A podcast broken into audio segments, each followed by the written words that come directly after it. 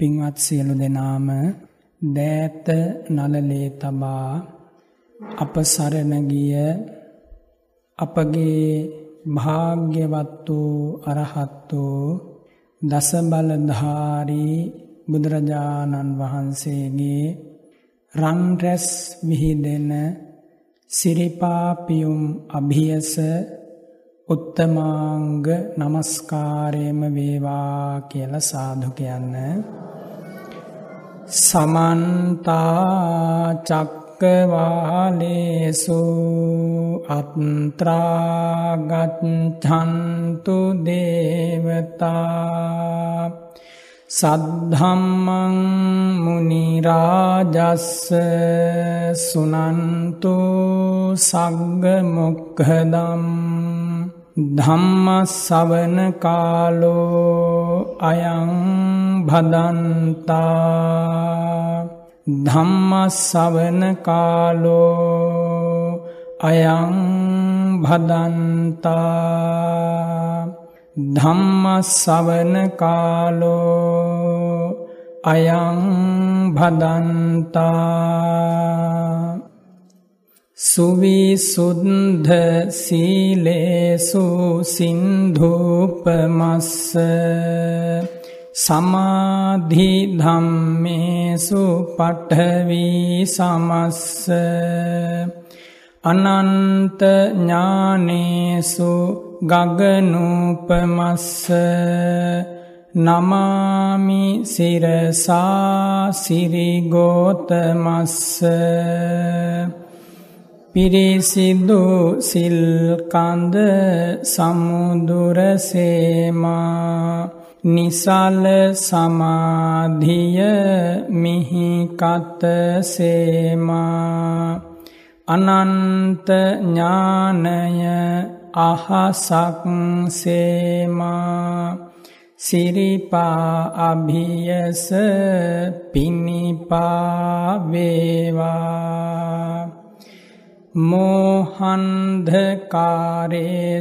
සුරියෝපමස්ස සංසාර සෝතේසු සේතුපමස්ස දෝසප්පවාහේසු මේඝූපමස්ස නමාමි සිරසා ධම්මාම තස්ස මොහන්දුර සින්දලන ලාහිරුසේමා සසරදියඹ මැද පහුරක් සේමා. කෙලෙස් කිලොටු හල වැස්සක් සේමා. සදහම් රුවනට පිණිපාවේවා පටිපත්ති සාරේසු සම්මාටිතස්ස උජුභූත මංගේසු යානාගතස්ස කුසලේසු ධම්මේසු කෙත්තුපමස්ස නමාමි සිරසා සුගතෝ රසස්ස. පිළිවෙත් සරුවෙයි සුවඳක් සේමා. දම්රස දනවයි මිහිරක් සේමා. පින් ගඟ ගලනා නිම්නය සේමා. මහා සංගරුවනට පිණිපාවේවා. සාධු සාධු සාධු. නමෝතස්ස භගවතෝ අරහතෝ. සම්මා සම්බුද්ධස්ස නමෝතස්ස භගවතෝ අරහතෝ සම්මා සම්බුද්ධස්ස නමෝතස්ස භගවතෝ අරහතෝ සම්මා සම්බුද්ධස්ස දස ඉමේ භික්ඛවේ ධම්මා සාරාණීයා පිය කරනා ගරු කරනා සංගාහාය අවිවාදාය සාමග්ගියා ඒකී භාවාය සංවත්තන්තිති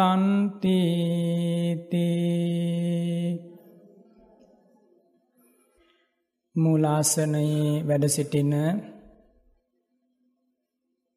පූජනීය හංවැල්ලේ අවසරයි කාශ්‍යප ස්වාමින් වහන්සේ ඇතුළු මහා සංඝරත්නයෙන් අවසර ලැබේවා. ශ්‍රද්ධාවන්ත පින්වතුනේ හිරුමඩලක් වගේ කිසිවෙක් නොතවා තේජස්වී වූ සඳමඩලක් වගේ කලංකයක් ලපයක් නැතිව සෞම්‍ය වූ සෝභමාන වූ කිසිදා මිලාන නොවන පියුම් ගොමුවක් වගේ ශ්‍රීකාර වූ සිව්මං සන්ධියක කනින ලද පුෂ්කරණයක් පොකුණක්සේ සිහිලස දායාද කළ කරුණාවට නිවාසස්ධානයක් වූ දහමට ශ්‍රී සද්ධර්මයට ජාත ප්‍රසව භූමියක් වූ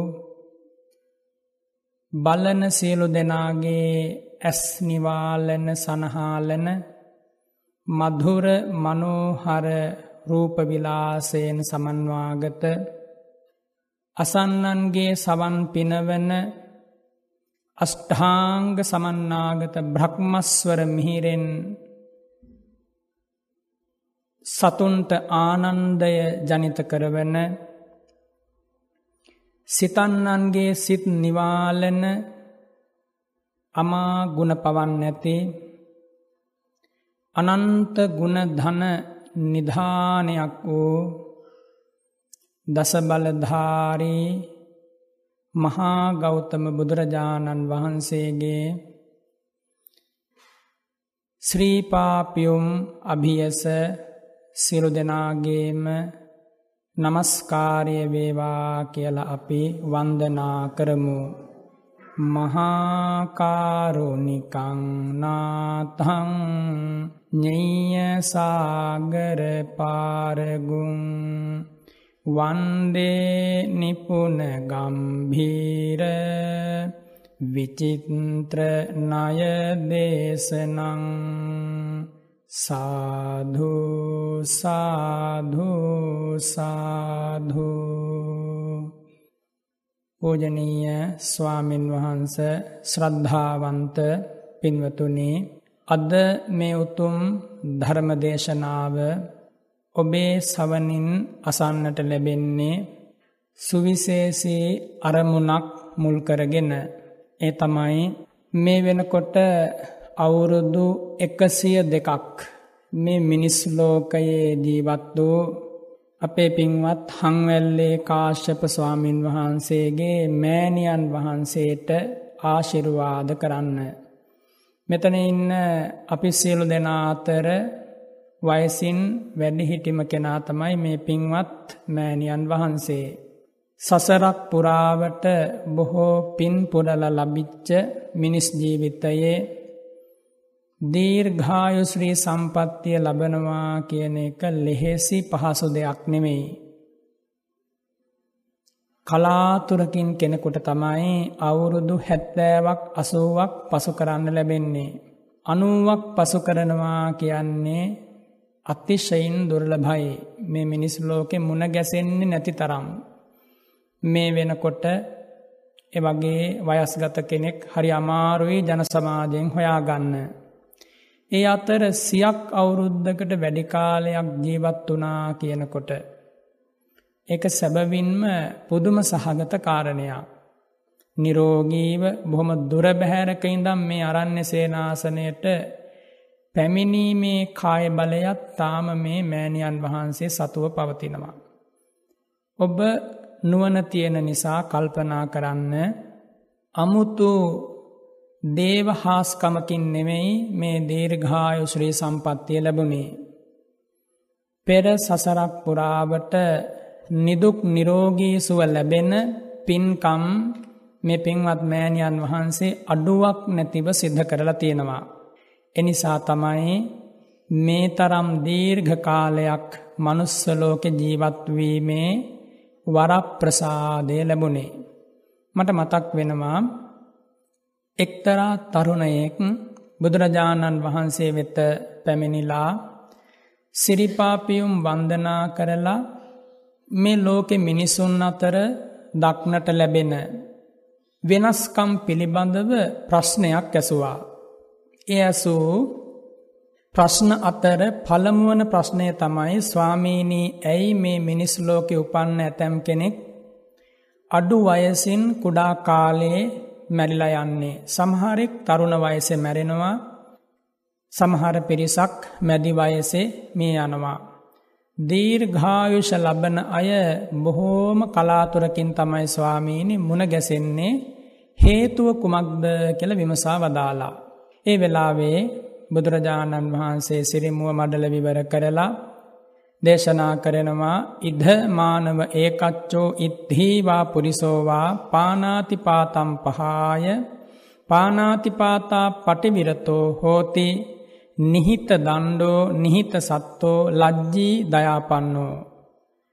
තරුණය මේ මිනිස් ලෝකෙ ඉන්න කෙනෙක් ප්‍රාණඝාතයෙන් වෙන් වෙනවා.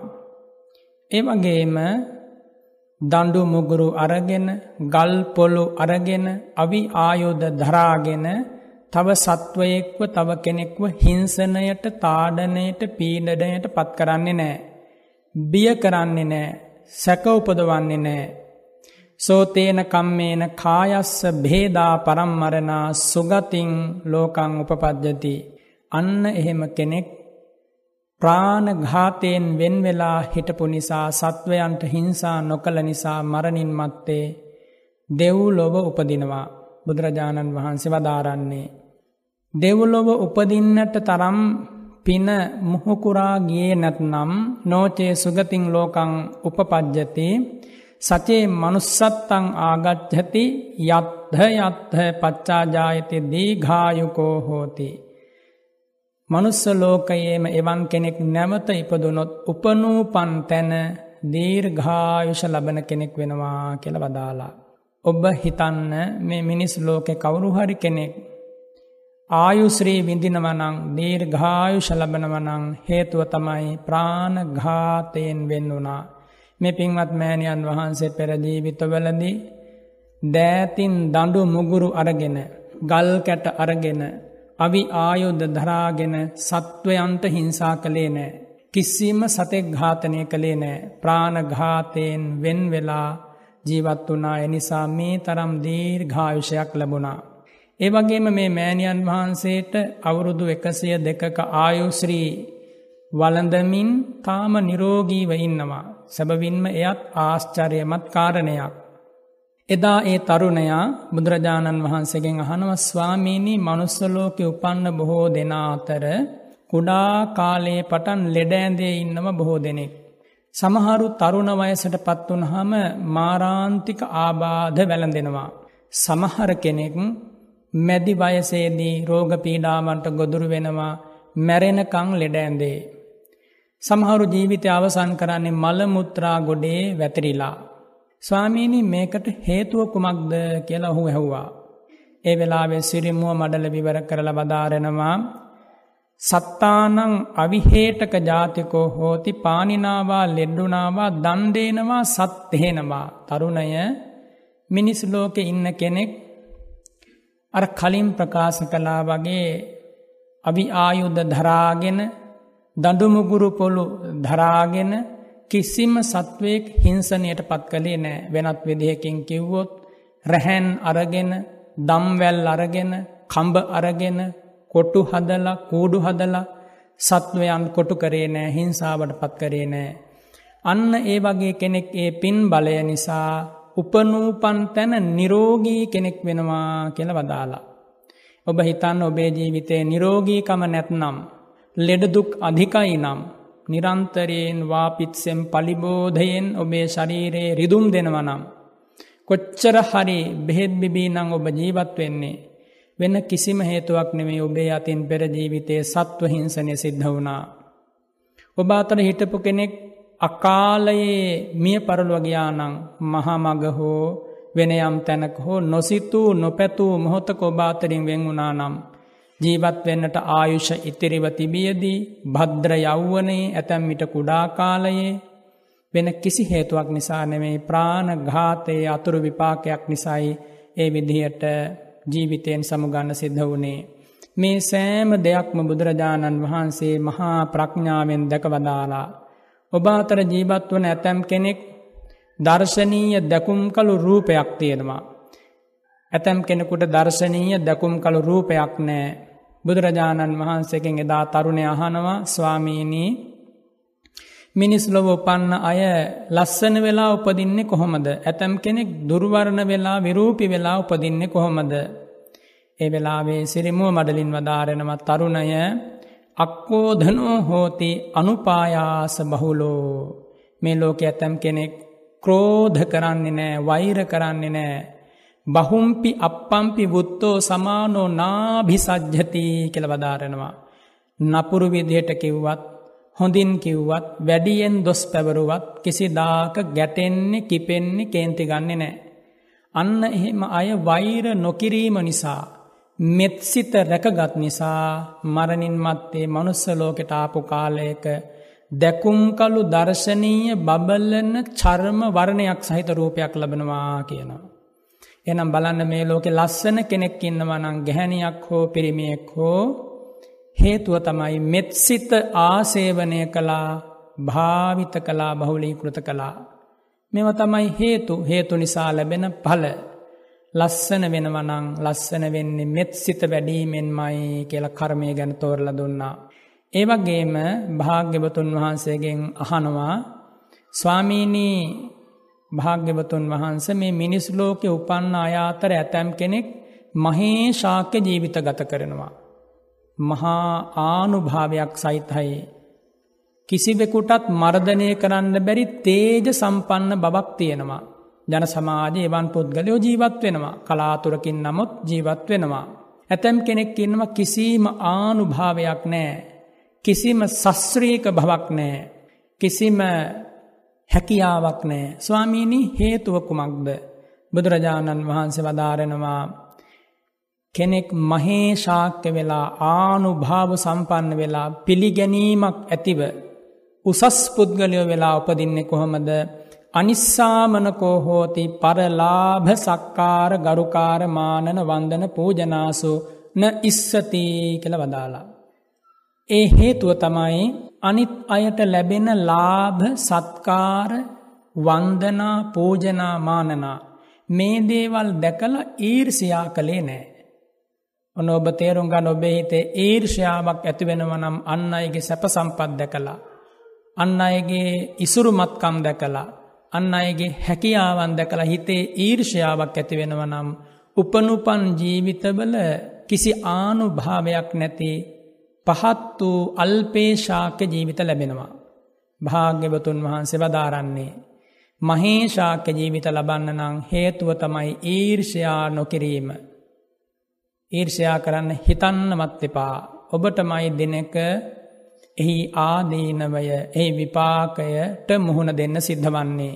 නැවත වතාවක්ේ තරුණය හනවා ස්වාමීනී මේ ලෝකයේ යම් කිසි කෙනෙක් බොහෝම ධනය ඇතිව. ඉසුරුමත්කම් ඇතිව නොයෙක් විදියේ වත්බෝසත්කම් ඇතිව ඉපදිලා බොහෝ සැප සම්පත් ලබනවා ස්වාමීණී ඇතැම් කෙනෙක් සිංගා කමින් ජීවත් වෙනවා.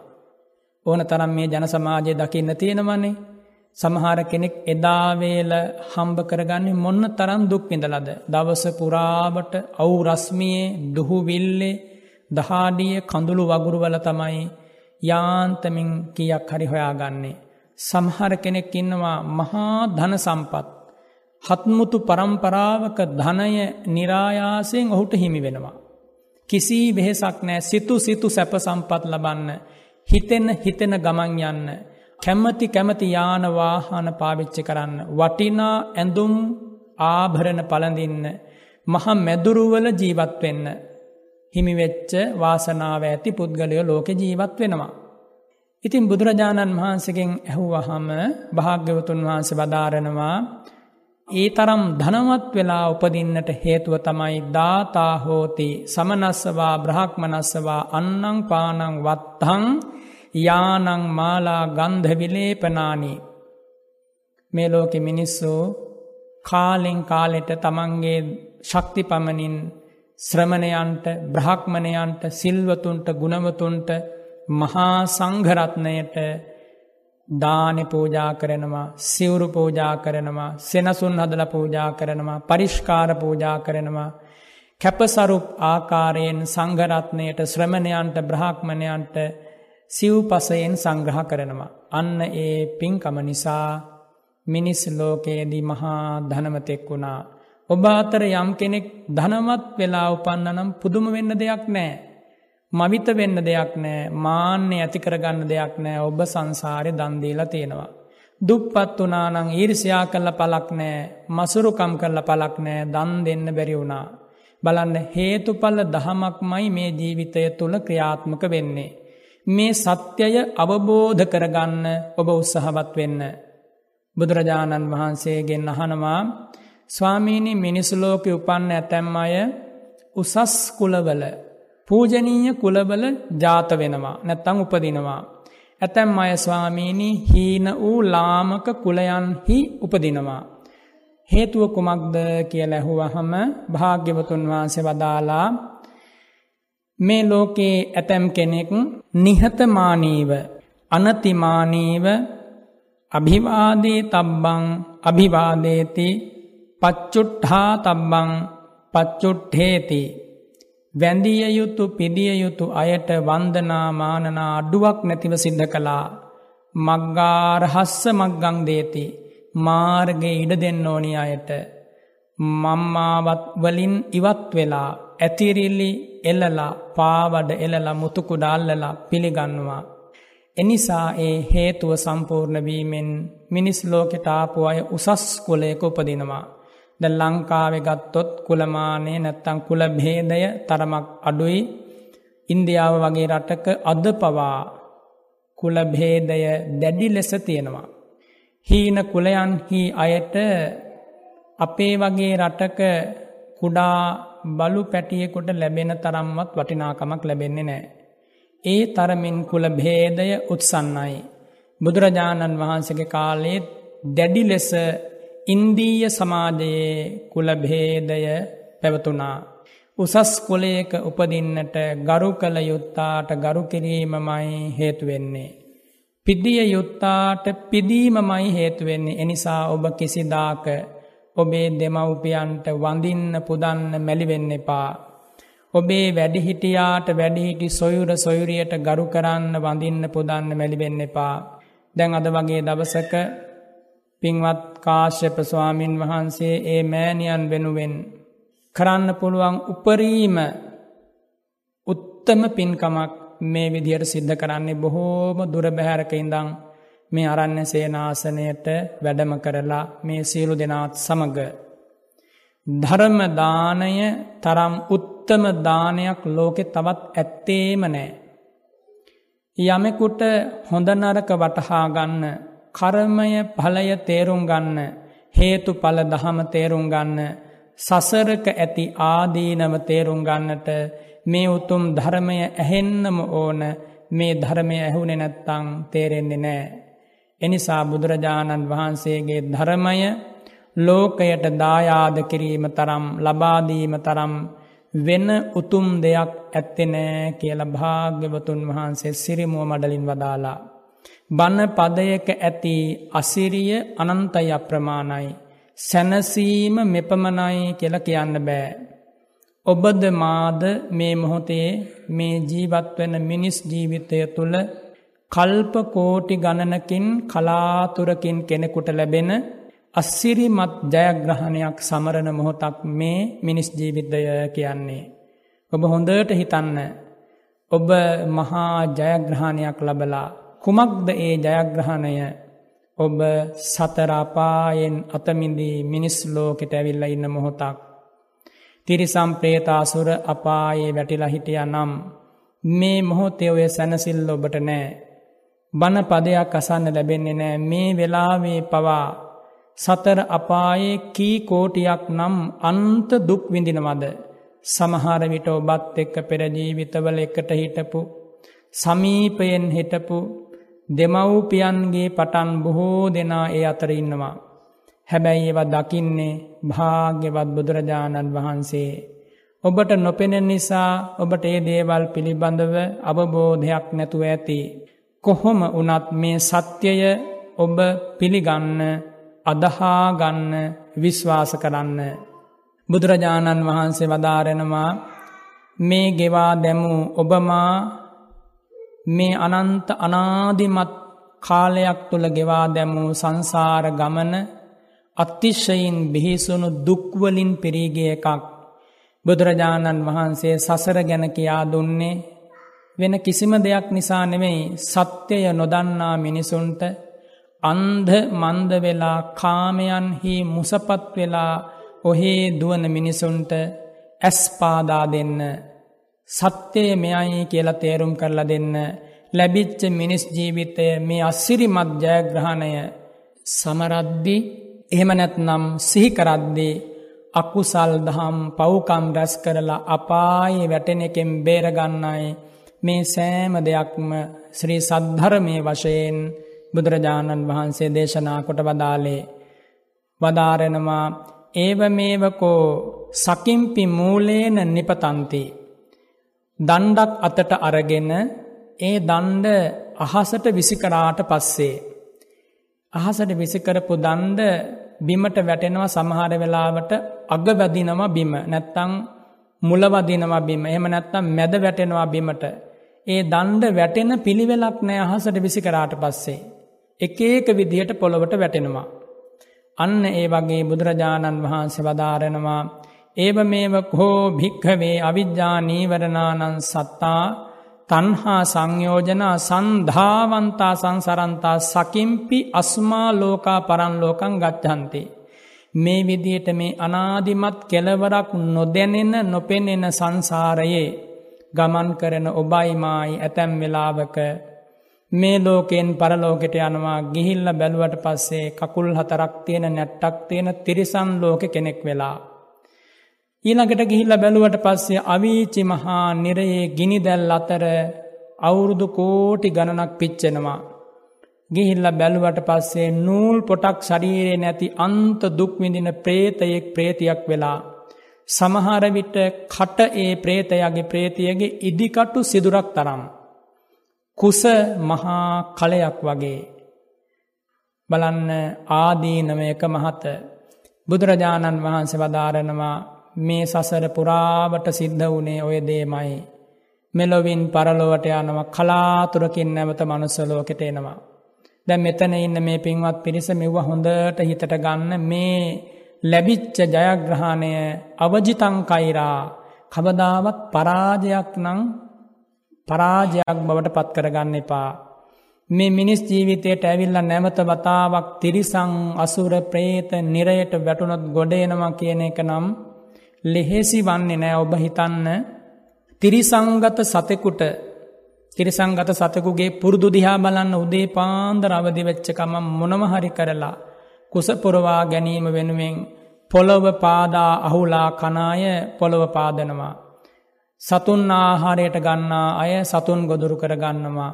ගහවැලෙන් දළුමල්වලින් ජීවත් වෙන තිරිසං සත්තු ඒවා අනුභව කරනවා. කෑමම තමයි හොයාගෙන යන්නේ අවදිවෙච්ච වෙලාවේදං. වෙන අරමුණක් නෑ බය තැතිගැනීම පලායෑම හැකිලීම දවේශය මේවට අමතරව කුසල් සිතක් කබ ලෙහේසියෙන් පහළවන්නේ නෑ. වැටුනොත් ගොඩේනවා කියන එක ලේසි වෙන්නේ නෑ එනිසාමී ලැබිච්ච මොහොතේ මුලාවට පත්වෙන්න එපා. බුදුරජාණන් වහන්සේ මහා කාරුණිකයි ශ්‍රී සද්ධර්මය දේශනා කළේ ඔබ වෙනුවෙන්මයි ඔබට මේ ලැබිච්ච අස්සිරිමත් අවස්ථාව ගිලිහිලා ගියොත් ආය මේ බණහන්න ලැබෙන්නේ නෑ. ඔබ හිතන්න මේ කියපු ආකාරයෙන් හිතල තමයි අතීතයේ යම් කිසි කෙනෙක් මේ මහා දුකින් අතමිදුනනං අතමිදුනේ. අතීතයේ යම් කිසි කෙනෙක් සෝවාන් සකදාගාමි අනාගාමී මහරහත් භාවයට පත්වනානං ජීවිතය පිළිබඳව සැබෑ අවබෝධයක් බුදුරජාණන් වහන්සේ වදාළ උත්තම ධර්මයට අනුව ලැබුවා. වෙන කිසිම ක්‍රමවේදයක් නෑ මේ දුක ඉක්මවා යන්න. අද අපි මෙහෙම කතහා කරලා මේ විදිහට වාඩි වෙලා ධර්ම දේශනා කරනවා ශ්‍රවණය කරනවා. තව දින කීයද අපට ජීවත් වෙන ලැබෙන්නේ. මේ මෑණියන් ගත්තොත් අවුරුදු එකසිය දෙකක් ජීවතුන් අතර ඉන්නකොට මේ මෑණියන් එක එකට හිටපු බොහෝ දෙනෙක් යහළු මිතුරන් දෙමව්පියන්ගේ පටන් කී දෙනෙක් මැරි මැරි යනවා මේ දෑසට පෙනෙන්ට ඇතිද. ඒ අය උපන්න තැන පිළිබඳව හෝ ගිය තැන පිළිබඳව හෝ කිසිම සඳහනක් හාංකවිසියක් නෑ. හැබැයි ඒ ඇත්තෝ මැරිලගිහිල්ල කොතනක හරි ඉපදුනා. කොතනක හරි ඉපදිලා ඇතැම් කෙනෙක් අන්ත දුක් විඳිනවා ඇතැම් කෙනෙක් සැපදුක් මිශ්‍ර වශයෙන් විඳිනවා ඇතැම් කෙනෙක් සුවසහානය ලබමින් කළපින් නිසා ලැබෙන විපාකය අවසන් වෙනකං සුගතියකට වෙලා ජීවත් වෙනවා. එක කල්පයක් තුළ පමණක් එක අන්තර් කල්පයක් තුළ පමණක් මැරිමැරී උපදින ජීවිතවල මිනිස් ලෝකේ නැත්තං තිරිසංගත ලෝකේ අස්ධි පංජරය ඇටකටු ටික කුඩු කරලා එකතු කළොත් මහාමේරු පර්වතයට වඩා වැඩි ගොඩක් එනවනං. මෙව්ව බුදුරජාණන් වහන්සේ මහා කරුණාවෙන් ඔබට දේශනා කළේ ආදීනමය යත්හා ස්වභාවය යත්හා භූතඥාන දර්ශනය ජීවිතය තුළ පහල කර ගැනීම පිණිස. හිතට එන එන හැඟීම්වලට වසඟ වෙලා ඇසට පෙනෙන පෙනෙන රූපවලට උමතු වෙලා කනට ඇහෙන තරම් ශබ්දවලට වසඟ වෙලා දිවට දැනෙන තරම් රසවලට කෑදර වෙලා කයට ලැබෙන ස්පර්ශයන්ට මුසපත් වෙලා ඔබ ජීවත් වෙන දිනකීයද. ඔබේ ඔය ශරීරය ඔය ශරීර කූඩුව තබ නොබෝ කලකින් මහ පොළොවට පස් වෙලා යනකොට ඒ මරණාසන්න මොහොතේදී ඔබ මේ ධර්මය පුරුදු කල්ලා තිබුණ නැත්තං කොච්චර අසරණ වෙනවද කියනවනං. කවුරු ළඟහිටියත් මොනවා කිව්වත් මොන්න විදිහට පිහිට වෙන්න හැදුවත් ඔබට පිහිට වෙන්න බෑ. ඒ තරමින් මරණාසන්න මොහොතේ අසරණ වෙනවා. මෙම කල්තියා ලෝකෙ කවුරුවත් අපට කියල දුන්නේ නෑ. නොමැරෙන මිනිස්සු හැටියට ජීවත් වෙන්න තමයි කුඩා කාලයේ පටන් අපට ඉගැන්නුවේ. මරණයක් ගැන මෙනේ කරන්න කවුරුවත් කියල දුන්නේ නෑ. ජාතිජරා මරණවලින් සමන්නාගතයි මේ සසර කියලා එහෙම කවුරුවත් කියලා දුන්නේ නෑ බුදුරජාණන් වහන්සේ විතරයි. ඒ තරම් මහා කරුණාවකින් මේ ඇත්ත තෝරල දුන්නේ. ඒ ඇත්ත පිළිගන්නත් හැමෝටම පිනක් නෑ. ඒකත් මතක තියාගන්න. මේ බණපදය ලෝකයේ ජනග්‍රහණය අතුරින් ඉතාම සීමිත පිරිසකට පමණයි ඇහෙන්නේ. අති බහුතරයකට මේ ධර්මය ඇහෙන්නේ නෑ නෑහෙන නිසාම ඔවුන් යහපද්දේ කියල කරන්නේ අහපද්දේවල්මයි. පින්කම් කියල කරන්නේම බොහෝ බලවත් අකුසල කරමයන්මයි. මනුස්ස ලෝකෙ ජීවත් වෙන අයාතරින්. ලක්ෂ ගණනකටවත් කෙනෙක් දෙන්නෙක් සුගතිය යනවද කියල ප්‍රශ්නයක් තියෙනවා මේ කාලේ. ඒ තරමින් වියරු වැටුන කෙලේසයන්ගෙන් මුසපත්වන පාපයෙන් අකුසලයෙන් නැහැවීගේ යුගයකයි මේ බණපදය ඔබට ඇහෙන්නේ. ඔබ මේ බණපදය අහන වෙලාවේ හිතට ගන්නා පනිවිඩය හොඳට හදවතේ තැන්පත් කර ගන්න. බොහෝම දුරබැහැරක ඉඳන්නේ මේ පින්බිමට සියලු දෙනාම ආවේ නිදිවරාගෙන කායික වෙහෙස නොබලා නොතකා මෙච්චර දුරක් ආවි බුදුරජාණන් වහන්සේගේ නික්ලේසී හදාරණින් පැනනගෙන මද පවනක් සදිසි අමා දහමේ සුව විඳගන්න. එහෙම ආපු ගමනක බුදුරජාණන් වහන්සේගෙන් ලැබෙන දායාදය ධර්මදායාදය ජීවිතයට සමීප කරගන්නට පුළුවන් තරං උත්සහවත් වෙන්න. මේ මොහොතේ පටන් හිතන පිළිවෙල වඩාත් යහපත් කරගන්න. භාග්‍යවතුන් වහන්සේ ඔබට දැක් වූ අස්සම සමකරුණාව ඔබ දන්නවනම් සිතිවිල්ලකින්වත් පාපයක් කරන්නේ නෑ. කෙලවරක් නැති අනන්ත සසරක පටන් දසපාරමිතා දස උපපාරමිතා දස පරමත්ත පාරමිතා සම්පූර්ණ කළේ අස්සම සම මහා මෛත්‍රයකින් අස්සම සම මහා කරුණාවකින්.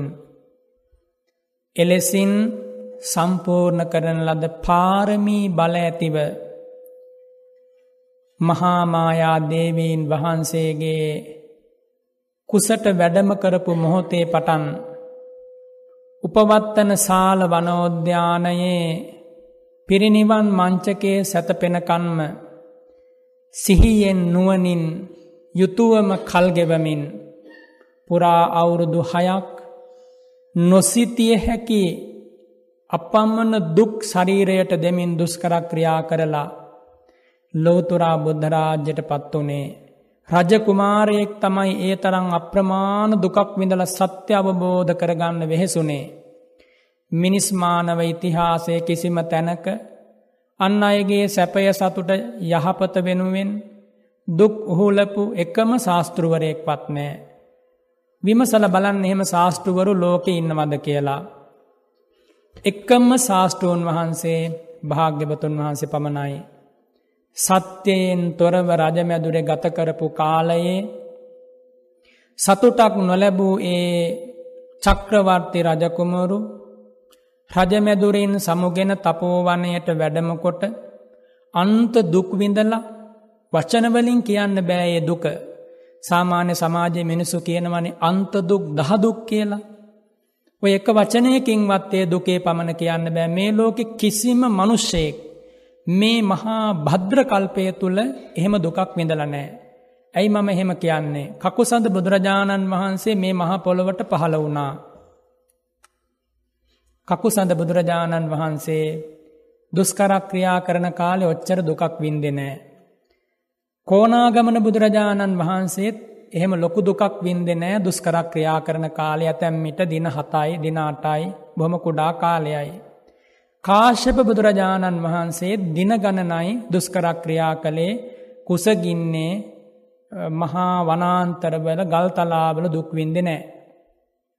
අනාගතයේ පහළවන මෛත්‍රී බුදුරජාණන් වහන්සේත් දින හතයි දුස්කරක් ක්‍රියා කරන්නේ. ඒත් බොහෝම සුව පහසු තුරු සෙවනක වාඩි වෙලා එහෙම ලොකු දුකක් නෑ. අපේ භාග්‍යවතුන් වහන්සේ පුරා හය අවුරුද්දක් උහුලපු දුක විඳපු දුක නොකා නොබී මේ මනුස්සලෝකෙ කිසිම මිනිහෙකුට ඔරොත්තු දෙන්නේ නෑ දරන්න බෑ. එනිසා එහෙම දුකක් විඳල තමයි මේ උතුම් දහම ලෝකයට විවර කළේ සත්‍යය තෝරා පහදා දුන්නේ. එවන් අවස්ථාවකදී මේ උතුම් සත්‍යය ඔබේ දෙසවනින් ඇසෙද්දී. දහමට පිටුපාන්න හිතනවනං. විනයට පිටුපාන්න හිතනවනං ඔබ ඔබේ සැනසීම අහිමි කරගන්නවා. එනිසා මතකතියාගන්න දැම් මෙතන ඉන්න හැමෝගෙම කං ඇහෙනවනේ දෑස පේනවා. මේ ඇහෙන බණපදේ මෙනෙහි කර ගැනීමට තරම් නුවනකුත් තියෙනවා.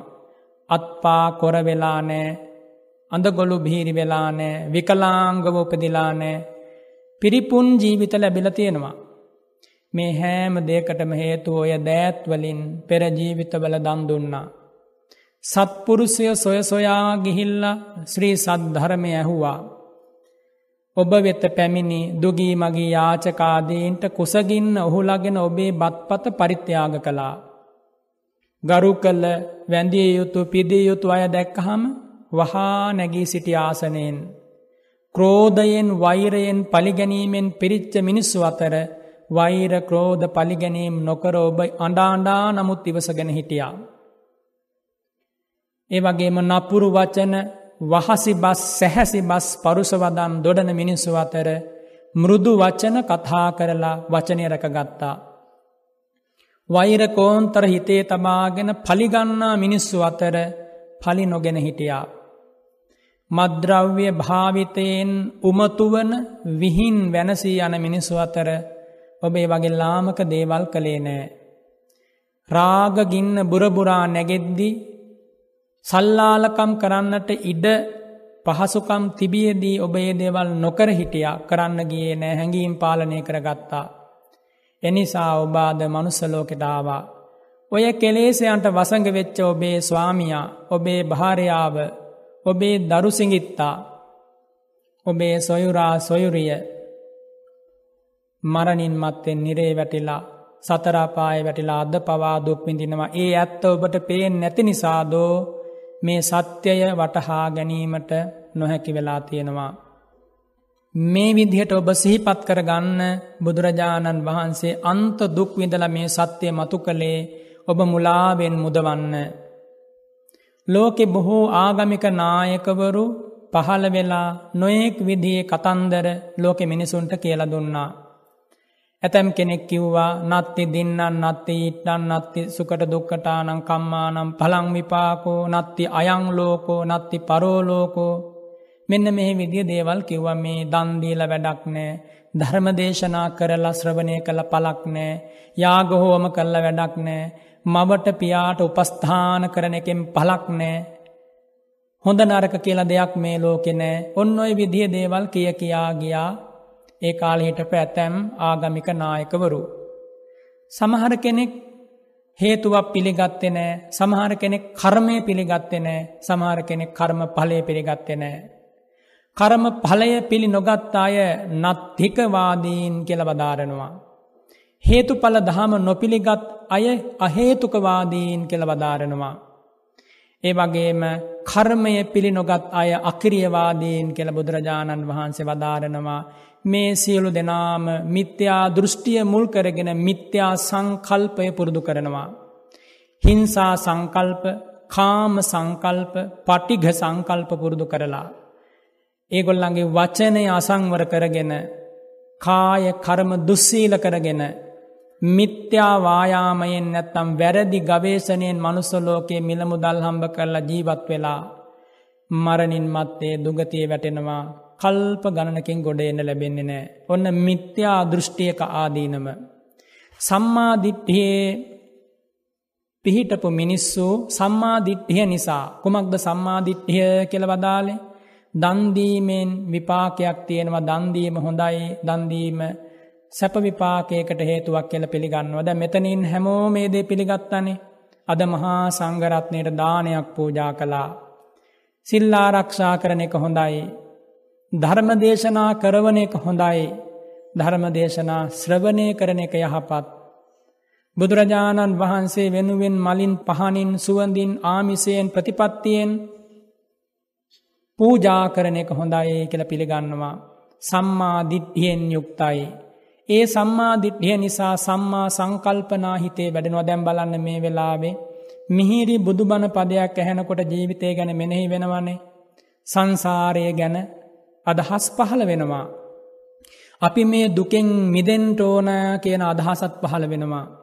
බුදුරජාණන් වහන්සේ මහා කාරුණිකයි කියලා බුද්ධාලම්බන ප්‍රීතිය ඇති වෙනවා. අපි අස්සිරිමත් වූ ජයග්‍රහණයක් ලබපු පිරිසක් මේ මිනිස් ලෝකට පැමිණීම් වශයෙන් කියලා මිනිසත් කමේ වටිනාකම වැටහෙනවා. කළමනාදේ නොකළමනාදේ තෝරා පහදා ගන්නට යහපත් කල්පනා ශක්තියකුත් මේ මොහොතේ ඇති වෙනවා. වෙනත් විදිහකින් කිව්වොත් සම්මා වාචා සම්මා කම්මන්ත සම්මා ආජීව සම්මා සති සම්මා සමාධි මෙකී මාර්ගාංග හදබත්වල ජනනය වෙනවා. නිවන් මගේ මොහොතින් මොහොත ඉදිරියට ගමන් කරනවා. බුදුරජාණන් වහන්සගේ කාලේ දෙවුරම් වනාරණට පූර්වාරාම මිගදායාදී තැන්වලට ආපු සුදුවත් හඳින සුවිශාල ජනකායක් බණපදයක් දෙකක් අහලා සව් කෙලෙසුන් නසා ශාන්ත නිවනට පැමිණුනේ පෙර සංසාර පින්කරපු නිසාව ඇත්ත වගේ. එනිසා කිසිම තැනක මෙවන් උත්තම දේවල්වලට හැකිලෙන්න පැකිලෙන්න පිටුපාන්න එපා. මේ හැම තැනකින්ම සැලසෙන්නේ ඔබේ ජීවිතයට බුදුරජාණන් වහන්සේගේ ධර්මය මුහුවීමමයි ධර්මානුකූල ජීවිතයක් ගත කරන්නට පසුබිම සැකසීමමයි. ගිහි පැවිදි අපි කාටත් එකම ශාස්ට්‍රෝන් වහන්සේ බුදුරජාණන් වහන්සේ. ගිහි පැවිදි අපි කාටත් නිවන් මග ආර්ය අෂ්ඨාංගික මාර්ගය. ගිහි පැවිදි අපි කවුරුත් අවබෝධ කළ යුත්තේ චතුරාරි සත්‍ය ධර්මය. චතුරාරි සත්‍ය ධර්මය අවබෝධ නොවූ තැන කොච්චර ලස්සන ජීවිත ගත කළත් පලක් වන්නේ නෑ අන්දකාරයෙන් අතමිදී නැති නිසා. චතුරාර්ය සත්‍ය අවබෝධය පිණිස හේතු නොවන බණකතාවක් බණකතාවක් නෙමෙයි. ඒවා හුදු කතා සල්ලාපයන් පමණයි. චතුරාර්ය සත්‍ය අවබෝධයට තුඩු නොවන ශ්‍රවණයන් ධර්මශ්‍රවණයන් නෙමෙයි හුදු ඇසීම් පමණයි. චතුරාර්ය සත්‍ය අවබෝධයට හේතු නොවන කල්පනා කිරීම මෙනෙහි කිරීම සම්මා සංකල්පයට සම්මාධිට්්‍යයට ගැන්නෙන්නේ නෑ ඒවා හුදු මිත්‍යා සංකල්පනා පමණයි. ඔබ හිතන්න ඇහෙනකොට ලෝකෙ කීයෙන් කී දෙනාද මෙකී උත්තම චතුරාර්ය සත්‍ය ධර්මය අවබෝධ කර ගැනීම වෙනුවෙන් තම සිතුවිලි වචන කය හසුරුවන්නේ. කෝටි ගණනකටත් කෙනෙක් ඉන්නවාද කියලා ප්‍රශ්නයක් තියෙනවා. එනිසා චතුරාර්ය සත්‍යය අවබෝධ නොවී ගත කරන මොහොත අන්ධකාරයෙන් අන්ධකාරයට යෑමක්. කෙසේ හෝ වෙරවඩලා බුදුරජාණන් වහන්සේ වදාළ මේ උතුම් චතුරාර්ය සත්‍ය අවබෝධ කර ගැනීම පිණිසම ඔබ පිළිවෙත් පුරන්න අප්‍රමාදී වෙන්න බලාපොරොත්තු වෙන්න මම කවදද මේ මොහඳුර සිඳ බිඳදා විද්‍යා ආලෝකය පහළ කරගෙන බුදුරජාණන් වහන්සේ වැඩම කර ශාන්ත අමා නිවන වෙත ගමන් කරන්න කවදාද කියන මේ බලාපොරොත්තු හිතේ තියාගන්ට ඕන. හැම කෙනෙක්ම මේ සංකල්පනාව හිතේ නැවත නැවත මුහුකුරවන්න ඕන. උදෑසනක අවදි වෙනකොට හිතන්න මම තවත් දවසක් මිනිස් ලෝක ජීවත්වීම වරම ලැබුවා. මේ අවදිවීම යහපත් අවදිවීමක් වන්නට නම් මේ උතුම් ධර්මය අවබෝධ විය යුතුමයි. එසේ අවබෝධ වෙලා නැත්නං භාග්‍යවතුන් වහන්සේ වදාරෙනවා මහනෙන අප්‍රමාදී වෙන්න අන්‍ය මන්‍ය කටයුතු සියලු දේවල් පසකදා අතහැරදා ධර්මාවබෝධය වෙනුවෙන්ම බෙහෙසෙන්න කියලා. අපි මෙච්චර කාලයක් කරපු දේවල් ගැන හොඳට හිතල බලන්න. නොයෙක් දේවල් වගකීම් යුතුකන්නාමයෙන් ජීවිතයට සම්බන්ධ කරගෙන කාලය ධනය ශ්‍රමය කල්පනාව අතේ පයේ වාරු මේ හැමදේම කැප කරලා. අපි කරපු දේවල් වලින් චතුරාර්ය සත්‍ය අවබෝධවීම පිණිස හේතු වනාද. ඉගෙන ගත්තා රැකිරක්ෂා කලා ගේ දොර හැදවා යානවාහන මිලදී ගත්තා. නොයෙක් විදියේ දේවල් මේ ලෝක සිද්ධ කලා ඒ හැමදේම අඩුවක් නැතුව සිද්ධ කරන්න නිදිමැරුවා කල්පනා කලා සාකච්ඡා කලා මන්ත්‍රණය කලා අවසානය ඔබ හමරැලි වැටිලා කොන්ද කුදු වෙලා දත් හෙල්ලෙනවා කෙස් සිදිලා ගතේ වාරු නැතිවෙලා හන්දිපත් රිදෙනවා මස් වැදලි රිදෙනවා වාඩි වුණොත් නැගිටින්න බෑ නැගිට්ටොත් වාඩි වෙන්න බෑ. ඔබ බලන්න ඔය කයෙන් වෙහෙසුනේ මේ ධර්මය අවබෝධ කරගන්නද. ඔබ වෙහෙසිලා වෙහෙසිලා ලංකරගත්ත එක්කම දේකින්වත් අදෝබට පලයක් ලැබිලා තියෙනවද සත්‍ය වශයෙන්. ඔබට යම් ධනයක් ලැබිලා ඇති. යම් උගත්කමක් මේ සාමාන්‍ය දේවල් පිළිබඳව ඔබ හදාගෙන ඇති. ඔබට ඉන්න හිටින්න අව්වෙන් වැස්සෙන් ආරක්ෂාවෙන්න තැනක් ඇති. හැබැයි ඔය දේවල් තව දවස් කීයකටද. එනිසා මේ ධර්මය ඇහෙද්දි බොහෝම මධ්‍යස්ථ ලෙස කල්පනා කරන්න. නුවනින් මෙනෙහි කරන්න.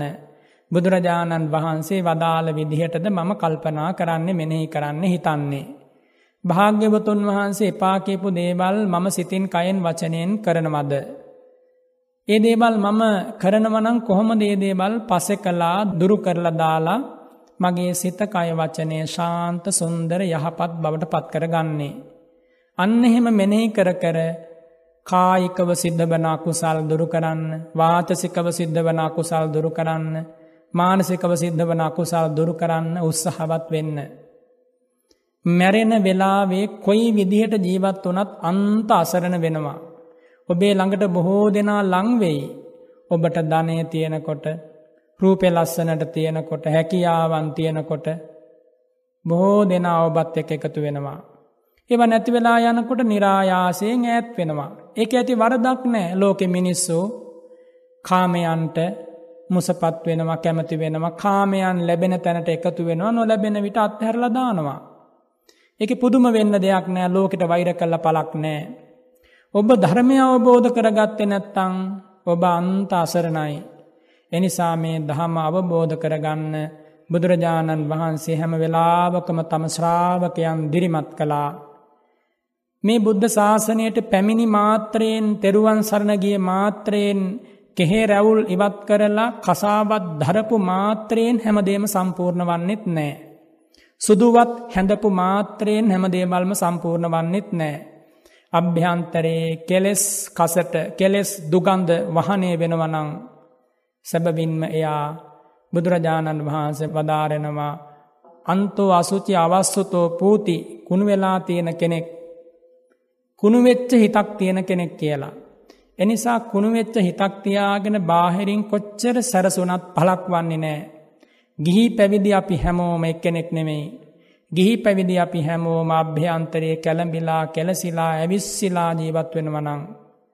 බාහිරින් කොයි විදියට ජීවත් වෙන්න හැදුවත් මොන විදියට පෙන්වන්න හැදුවත් මරණාසන්න සමයේ ලෝකෙ කාටවත් බෑ ඒ මහා වේදනාවෙන් පසුතැවීමෙන් නිදහස් වෙන්න බෑ කියල කියන්නේ ධර්මය පුරුදු කරපු නැති නිසා හැබැයි මේ ධර්මය පුරුදු කළොත් පසුතැවීම් දහස් ගණනක් හිතට ආවත් ඒ හැම දෙයක්ම අභිභවනය කරලා සිහිය පිහිටුවල මැරෙන්න මොහොතකට හරි කලින් සක්කාය දිට්ඨිය නැති කරන්න පුළුවන්.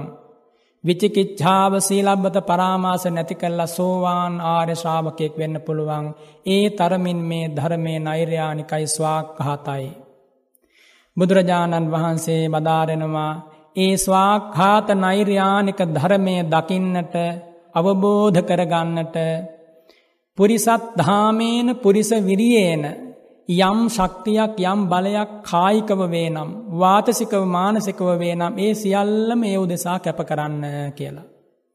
මතකතියාගන්න ගේ දොර හදන්න අඹුදරුවන් පෝෂණය කරන්න උගත්කම් ධනවත්කම් බලවත්කම් හදාගන්න වෙහෙසුනේ මේ ජීවිතය විතරක් නෙමෙයි මෙතන ඉන්න හැම කෙනෙක්ම වගේ මේ මහා පොළොවේ ඔටුනු පැළඳලා හිටපු රජබරු හැටියට ජීවත් වුණා. හැම කෙනෙක්ම ඒ රජබරුන්ගේ අග මහේෂිකාව හැටියට ජීවත් වුණා. මහා බලවත් ධනමත් කුලවත් අය හැටියට බොහොම කීර්තිමත් අය හැටියට සමහරවිට දෙව්ලොව පවා තම අනසකට යටකරගෙන ජීවත් වෙච්ච ඉතිහාසයක් අපි හැමෝටම තියෙනවා. අද ඒ කිසිම දෙයක් අපට ඉතුරු වෙලා නෑ තව නොබෝ දවසකින් පරවෙලා යන මලක් සදිසි දින ගණනකින් පෙතිහැලී කුණුවී යන මලක් වගේ මේ ජීවිතය තව හෝරා ගණනකින් තත්පර ගණනකින් වේල් ගණනකින් අවසන් වෙලා යාවී. එනිසා ඒ වෙනකං හොඳින් ජීවත් වෙන්න බලන්න ඒ උදෙසා මේ උතුම් ධර්මය ඔබ ජීවිතයට ගලපගන්න. දවසක්දා බුදුරජාණන් වහන්සේ සැබැත්නුවර දෙවුරම් වනාරණේ සුවඳ කුටියේ මහා කරුණා සමවතින් ලෝකයේ දෙස බලමින් වැඩඉන්නකොට භාග්‍යවතුන් වහන්සේට පේනවා දෙවුරම් විහාරයේම උපස්ථාන ශාලාවේ විශාල භික්‍ෂූන් වහන්සල පිරිසක් එකතු වෙලා රණ්ඩු කරගන්නවා. නපුරු වචන කියාගන්නවා. කලහා කරගන්නවා. මෙහෙම දැකල බුදුරජාණන් වහන්සේට දහම් සංවේග ඇති වුණා.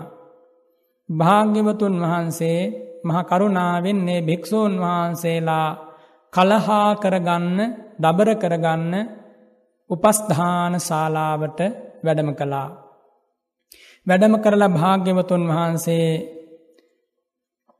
ඒ රණ්ඩු කරගන්නා භික්‍ෂූන් වහන්සේලා දිහා බලලා අනන්ත සසරක පාරමී ධර්ම මා විසින් පුරණ ලද්දේ මෙවන් අසරණයන්ට පිහිට වෙන්න නේද කියන මේ කල්පනාව ඒ මනසිකාරය බුදු හද මඩලේ ඇති වෙලා අහනමා කායනුවෙත්ත භික්කවේ ඒ තරහි කතාය සන්නිසින්නා සන්නිපතිතා කාච පනවෝ අන්තර කතා විප්ප කතා. මහණනි මේ වෙලාවෙ නුඹලා කෙබන්දු කතාවකද යෙදිලා හිටියේ භාග්‍යවතුන් වහන්සේ දන්නවා. ස්වාමින් වහන්සේලා ප්‍රකාශ කරන අනේ ස්වාමීනි මෙන්න මේ ප්‍රශ්න නිසා අපි සියලු දෙනා කලහා කරගත්තා රණ්ඩු කරගත්තා. නපුරු වචන කියාගත්තා. බුදුරජාණන් වහන්සේ මහා කරුණාවෙන් ඒ භික්‍ෂූන් වහන්සේලා වෙත අනුකම්පාවෙන් නකහෝ පනේතම් භික්කවේ තුම්හාකම් පතිරූපං සද්ධාය පබ්බජිතානං යන්තුම්හි බණ්ඩන ජාතා විහෙරෙයාත මහානෙනි නුබලා හැම කෙනෙක්ම වගේ ශ්‍රද්ධාවෙන් පැවිදි වෙච්චාය. කුඩා මහත් භෝගස් කන්ධයන් අතහැර දාලයි මේ දෙවුරම් විහාරයට ඇවිල්ල නුබල පැවිදි වුණේ. නුබල දැම් පැවිදි භූමියයට පත්වෙලා රණ්ඩු කරගන්නවනං. බණ්ඩන කරගන්නවනං කලහා කරගන්නවන නපුරු වචන කියාගන්නවනං. ඔවුනොවුන් දෙස නපුරු විදියට බලනවනං. අභිබවා පරයා යන්න හිතනවනං. මහනෙන ශ්‍රද්ධාවෙන් පැවිදි වූ නුබලාට එක ගැලපෙන්නේ නෑ කියල බදාලා. ගිහියත් අන්ටත් එහෙම තමයි. බුදුරජාණන් වහන්සේ සරණගියේ ලොවතුරා සුවයක් ලබන්නනේ. බුදුරජාණන් වහන්සේ වදාළ සීලයි පිහිටියේ ශාන්තියක් ලබන්න. එහෙම නුබලා යම් මොහොතක නුබලා හා සමීපව ජීවත්වන ඇත්තු සමග කලහා කරනවනං රණ්ඩු කරනවනන් දබර කරනවනං තෙරුවන් සරණගිය උපාසකයකුට උපාසිකාවට එය වටින්නේ නෑ එය නොකළ යුතුයි. බුදුරජාණන් වහන්සේගේ බුදු කරුණාවෙන් සැනහෙන හදවතක් ඇති කිසි කෙනෙක් රණ්ඩු සරුවල් කරන්න යන්න හොඳ නෑ. භාග්‍යවතුන් වහන්සේ වදාරෙනවා මහනෙන නුබලාට මම කරුණු කිහිපයක් කියල දෙනවා ඒ කරුණු කිහිපය පුරුදු කරන්න එතකොට ඔය රණ්ඩු කරන්නට හිතෙන ගතිය නැතිවෙලායාවේ. භේදවෙන්න වචන නපුරු වචන කතා කරන්න ඔවුනොවුන් පරයායන්න ඔය හිතන සිතුවිලි මහණන ඉවත් කරගෙන මෙන්න මෙහෙම කල්පනා කරන්න කියලා බුදුරජාණන් වහන්සේ කරුණු කිහිපයකින් නිවන් දකින්නට පිළිපන් ශ්‍රාවකයාට නිවන් මගේ ඉදිරියට යෑම පිණිස මග පෙන්වා වදාලා. ඉදභික්කවේ භික්කු සීලවා හෝති පාතිමොක්හ සංවර සංවුතෝ විහරති පළමු කාරණය තමයි සෑම ප්‍රශ්නයක්ම විසඳෙන්න්නට හේතුවන. කායික පීඩා මානසික පීඩා හැම්ම දෙයක්ම විසඳෙනවා ගිහි පැවිදි අපි කාගෙත් සිල්වත් වනාට පස්සේ. අවංකවම සීලේක පිහිටල අනුමත්තේසු වජ්‍යේසු භයදස්සාවී සමාදාය සික්හති සික්හා පදේසු. පොඩි වැරැද්දේ පවා බයදකිමින් හරියට අකුසලයෙන් අතමිදීමේ බලාපොරොත්තුවෙන් ගත කරන සෑම මොහොතකම පුදුමාකාර මානසික ශක්තියක් ඇති වෙනවා. පුදුමාකාර චිත්ත බලයක් ඇති වෙනවා මම සිල්වත් කෙනෙක් පැවිදි ජීවිතයක් ගත කරන කෙනෙක් ගත්තොත් ඒ පැවින්දා සිල්වත්ව බ්‍රහ්මචාරීත්වය තා පිරිසිදුව රකිනකොට පුදුම බලයක් හිතට ඇති වෙනවා. ඒ බලය මහා ශක්තියක් දැවන්ත ශක්තියක් ඒ ජීවිතයේ කිසිම තැනක හැකිලෙන්නෑ මරණයට බයවන්නේ නෑ ඒ සිල්වත් භාවය නිසා බොහෝ ප්‍රශ්න විසඳලා යනවා මේ ජන සමාජය යම්තාක් අරබුද්ධ තියෙනවනම්. හොඳට හොයල බලන්න දුස්සීලකම නිසාමයි ඒ සියල්ලු ප්‍රශ්නයන් පැනනගින්නේ. බුදුරජාණන් වහන්සේගේ ශ්‍රාවකත්වයට පමණක් ලැබෙන සීල සංවරයෙහි පිහිටීමේ අවස්ථාව අහිමි වූ තැන මුළු ජන සමාජයක් අවුලෙන් අවුලට පත්වෙලා පංචසීලය ආරක්ෂා කරනවනම් බුදුරජාණන් වහන්සේගේ අනන්ත ගුණසුව මිහිර විඳිමින් මේ ලෝකෙ මොනතරන් ශාන්ත රමණීය වේද. මේ මහා භද්‍රකල්පය ආරම්භ වෙච්ච කාලෙ ප්‍රාණඝාතය ලෝකෙ තිබුණෙ නෑ. හොරකම් මැරකම් සල්ලාලකම් බේබදුකම් තිබුණෙ නෑ. ඒ ජන සමාජය පුදුමාකාර උපශාන්තයි ලස්සනයි. හරියට බ්‍රහ්මයෝ ජීවත් වෙනව වගේ. එහෙම ජන සමාජයක් තමයි කාලක්‍රමයෙන් පිරිහි පිරිහි ගිහිල්ලා ආයුෂයෙන්ද වර්ණයෙන්ද සැපයෙන්ද ගුණයෙන්ද බලයෙන්ද පිරිහී ගිය. අන්ත අගාධයකට වැටිලාද වගේ මේ කාලයක නතර වෙලා තියෙන්නේ. ඔබට හිතෙන්න පුළුවන් ලෝක දිහා බලද්දි මේ මැවුම් කරණයන් දිහා බලද්දි අපි ඉන්න බොහොම සුව පහසු ලෝකයක කියලා. පොඩි පොඩි කාරණාවන් නිසා එහෙම හිතෙන්න පුළුවන්. හැබැයි මතක තබාගන්න බුදුරජාණන් වහන්සේ පෙන්වන ශාන්ත බව රමණීය බව සැහැල්ලුව පිවිතුරු බව ලැබෙනවනන් ලැබෙන්නේ සිල්වත්වීම නම් වූ පළමුකාරණය සම්පූර්ණ වීමෙන්මයි. එනිසායදා රණ්ඩු කර කර හිටපු ස්වාමීන් වහන්සලට වදාළ මහනෙන රණ්ඩු කර කර ඉන්න එපා සිල්වත් වෙන්න පුංචි වැරැද්ද පවා බය දකින්න වචනය රැකගන්න එහෙම වුණොත් නුබලාට සමගියෙන් සතුටින් මෙලොව පරලොව ජයගන්න පුළුවන් උතුම් ධර්මය අවබෝධ කරලා සසරින් අතමි දෙන්න පුළුවන්. ඊළඟට භාග්‍යවතුන් වහන්සේ වදාරනවා පුනච පරම් භික්කවේ භික්කු බෞස්සුතෝ හෝති සුත දරෝ සුත සන්නිචයෝ ධාතා වචසා පරචිතා දිට්ඨියා සුප්පටි විද්ධා දෙවන කාරණය ශාන්තිය පිණිස හේතුවන ගිහි පැවිදි අපි හැම කෙනෙක්ම ශ්‍රී සද්ධර්මය ශ්‍රවණය කරන්නට ඕන. දැන් අද වගේ දවසක ඔය ඇත්තෝ සම්පූර්ණ කරන්නේ නොපිරිහීම පිණිස පවතින දෙවැනි කාරණය. කුමක්ද? මේ උතුම් ධර්මය ශ්‍රවණය කරනවා සුතා ධතා වචසා පරිචිතා. මේ ඇහෙන බණපද හිතට ගන්නත් ඕන. හිතට අරගෙන සමාදම් වෙලා පුරුදු කරන්නට ඕන. පුරුදු කරමින් ප්‍රඥාව සම්මාදිට්ඨිය යහපත් ආකල්ප සම්පත්තිය දියුණු කරන්නට ඒවා හේතු කරගන්නත් ඕන අන්න එහෙම කෙනෙකුගේ ධර්මශ්‍රවණය බෞස්ෘත භාවය ධර්මය ඉගෙන ගැනීම නොපිරිහීම පිණිසම හේතු වෙනවා. ගිහි ගෙදරකනන් ධර්මය දන්න කෙනෙක් හිටියොත් රණ්ඩු කරගන්නේ නෑනේ. එකට එක කරන්නේ නෑ වැරදි විදියට මිල මුදල් හම්බ කරන්න යන්නේ නෑ අපරාධ කරන්නේ නෑ පහත් දේවල් කරන්නේ නෑ එයා ධර්මය දන්න හින්දා පවට බය ඇති වෙනවා පවට බය නිසා ලැජ්ජාව ඇති වෙනවා ලැජ්ජාව නිසා පාපයෙන් වලකිනවා. බලන්න මොන තරම් සත්‍යයක්ද බුදුරජාණන් වහන්සේ වදාලේ. එනිසා හැම කෙනෙක්ම තමන්ගේ ශක්ති පමණින් මේ උතුම් ධර්මය ශ්‍රවණය කල්ලා සිතින් දරාගන්නට ඕන. නැවත නැවත ධර්මය ශ්‍රවණය කරන්නට ඕන. භාග්‍යවතුන් වහන්සේ දා භික්‍ෂූන් වහන්සලට බදාරෙනවා පුනච පරම් භික්කවේ භික්කු කල්්‍යානමිත්තෝ හෝති කල්්‍යාන සහායෝ. තුන්වන කාරණය ශාන්තිය සැනසීම පිණිස හේතුවන යහපත් මිතුරන් නැති බව කල්්‍යාන මිත්‍රයන් ඇසුරු කරන බව ඔබ හොඳට විමසල බලන්න ඔබ ළඟින්ම ඇසුරු කරන අය දිවෙන්දිව ගාගෙන ඉන්න අය සැබෑ කල්්‍යාන මිත්‍රයෝද ඔවුන් කල්්‍යාන මිත්‍ර නොවේ නම් ඔවුන්ට දවේශ කරන්න එපා ඔවුන් ගැන නපුරු අදහස් පහල කරගන්න එපා ඔබ කල්්‍යාන මිත්‍රයෙක් වෙන්න ලෝකයට කල්්‍යාන මිත්‍රයාගේ පළමු සුදුසොකම තමයි කුමක්ද එයා සිල්වත් වෙලා තෙරුවන් සරණ පිහිටලා අනිත් අයට සිල්වත් වෙන්න යහපත් වෙන්න පාපයෙන් වලකින්න මග කියා දෙනවා. එක තමයි කල්්‍යාන මිත්‍රයාගේ ලක්ෂණය.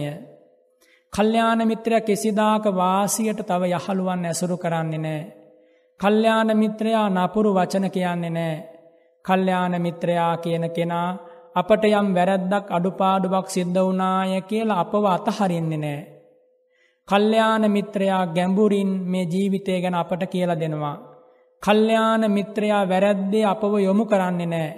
විහිළුවට නමුත් බොරුවක් කීම. සෙල්ලමට නමුත් ප්‍රාණඝාතයක් කිරීම. කවදාකවත් අනුමත කරන්නේ නෑ. අන්නේ බඳු කල්්‍යාන මිත්‍රව ඇසුරුකරොත් කවුරුවත් මේ ලෝකෙ පිරිහෙන්නේ නෑ. පිරිහීගිය දුකටපත් වෙච්ච හිරේ විලංගුව වැටිච්ච අන්ත අසරණ වෙච්ච. මිනිස්සු පාපමිත්‍රයන් නිසයි බොහෝසයින් ඒ වගේ තත්ත්වයන්ට පත් වනේ. බොහෝසයින් නෙමෙයි සත්‍ය වශයෙන්ම කල්්‍යාන මිත්‍ර ඇසුරක් නොමැති තැන ලෝකෙ මිනිස්සු පිරිහිලා මරණින් මත්තේ නිරේ වැටුණා. බුදුරජාණන් වහන්සේ නම් වූ පරම කල්්‍යාන මිත්‍ර උතුමන් වහන්සේ නිසා තුන් ලෝකයකට අජරාමර ශාන්තියක් ලැබුණා. ඒ ශාන්තිය අද පවා ජීවමානයි විද්‍යමානයි. ඒ ශාන්තියෙන් සැනහෙන ජීවිත දහස් ගණන් මේ මහපොළොවෙ තාම තියෙනවා.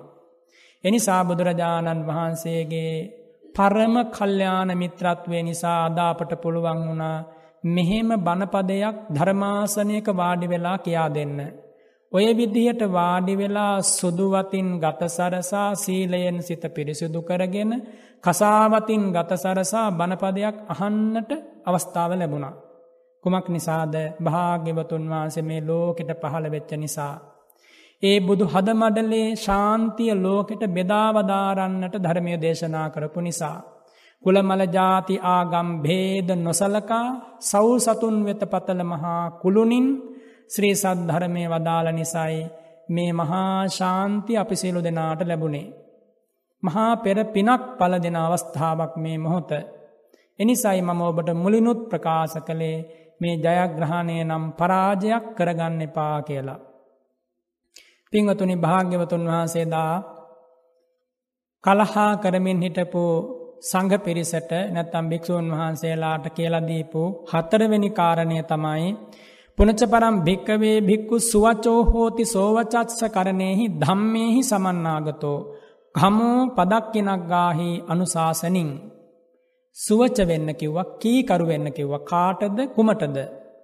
බුදුරජාණන් වහන්සේට ඒ ශ්‍රී සද්ධර්මයට මෙල්ල වෙන්නට ඕන අපි හැම කෙනෙක්ම.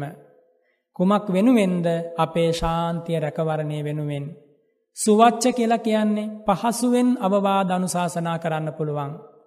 කෙනෙකුට කියනවා සුවච්චයෙක් කීකරු කෙනෙක් කියලා ගිහි වේවා පැවිදි වේවා කීකරු වුණොත් මොන තරම් අනතුරක් ලෝකෙ වෙනවද යහපත් වූ ගුණධර්ම ඇති ධර්මයේ අපව සමාදන් කරන පුද්ගලයෝ ඉදිරි ආවනත නොවුනොත් ඒක මහා අනතුරක්.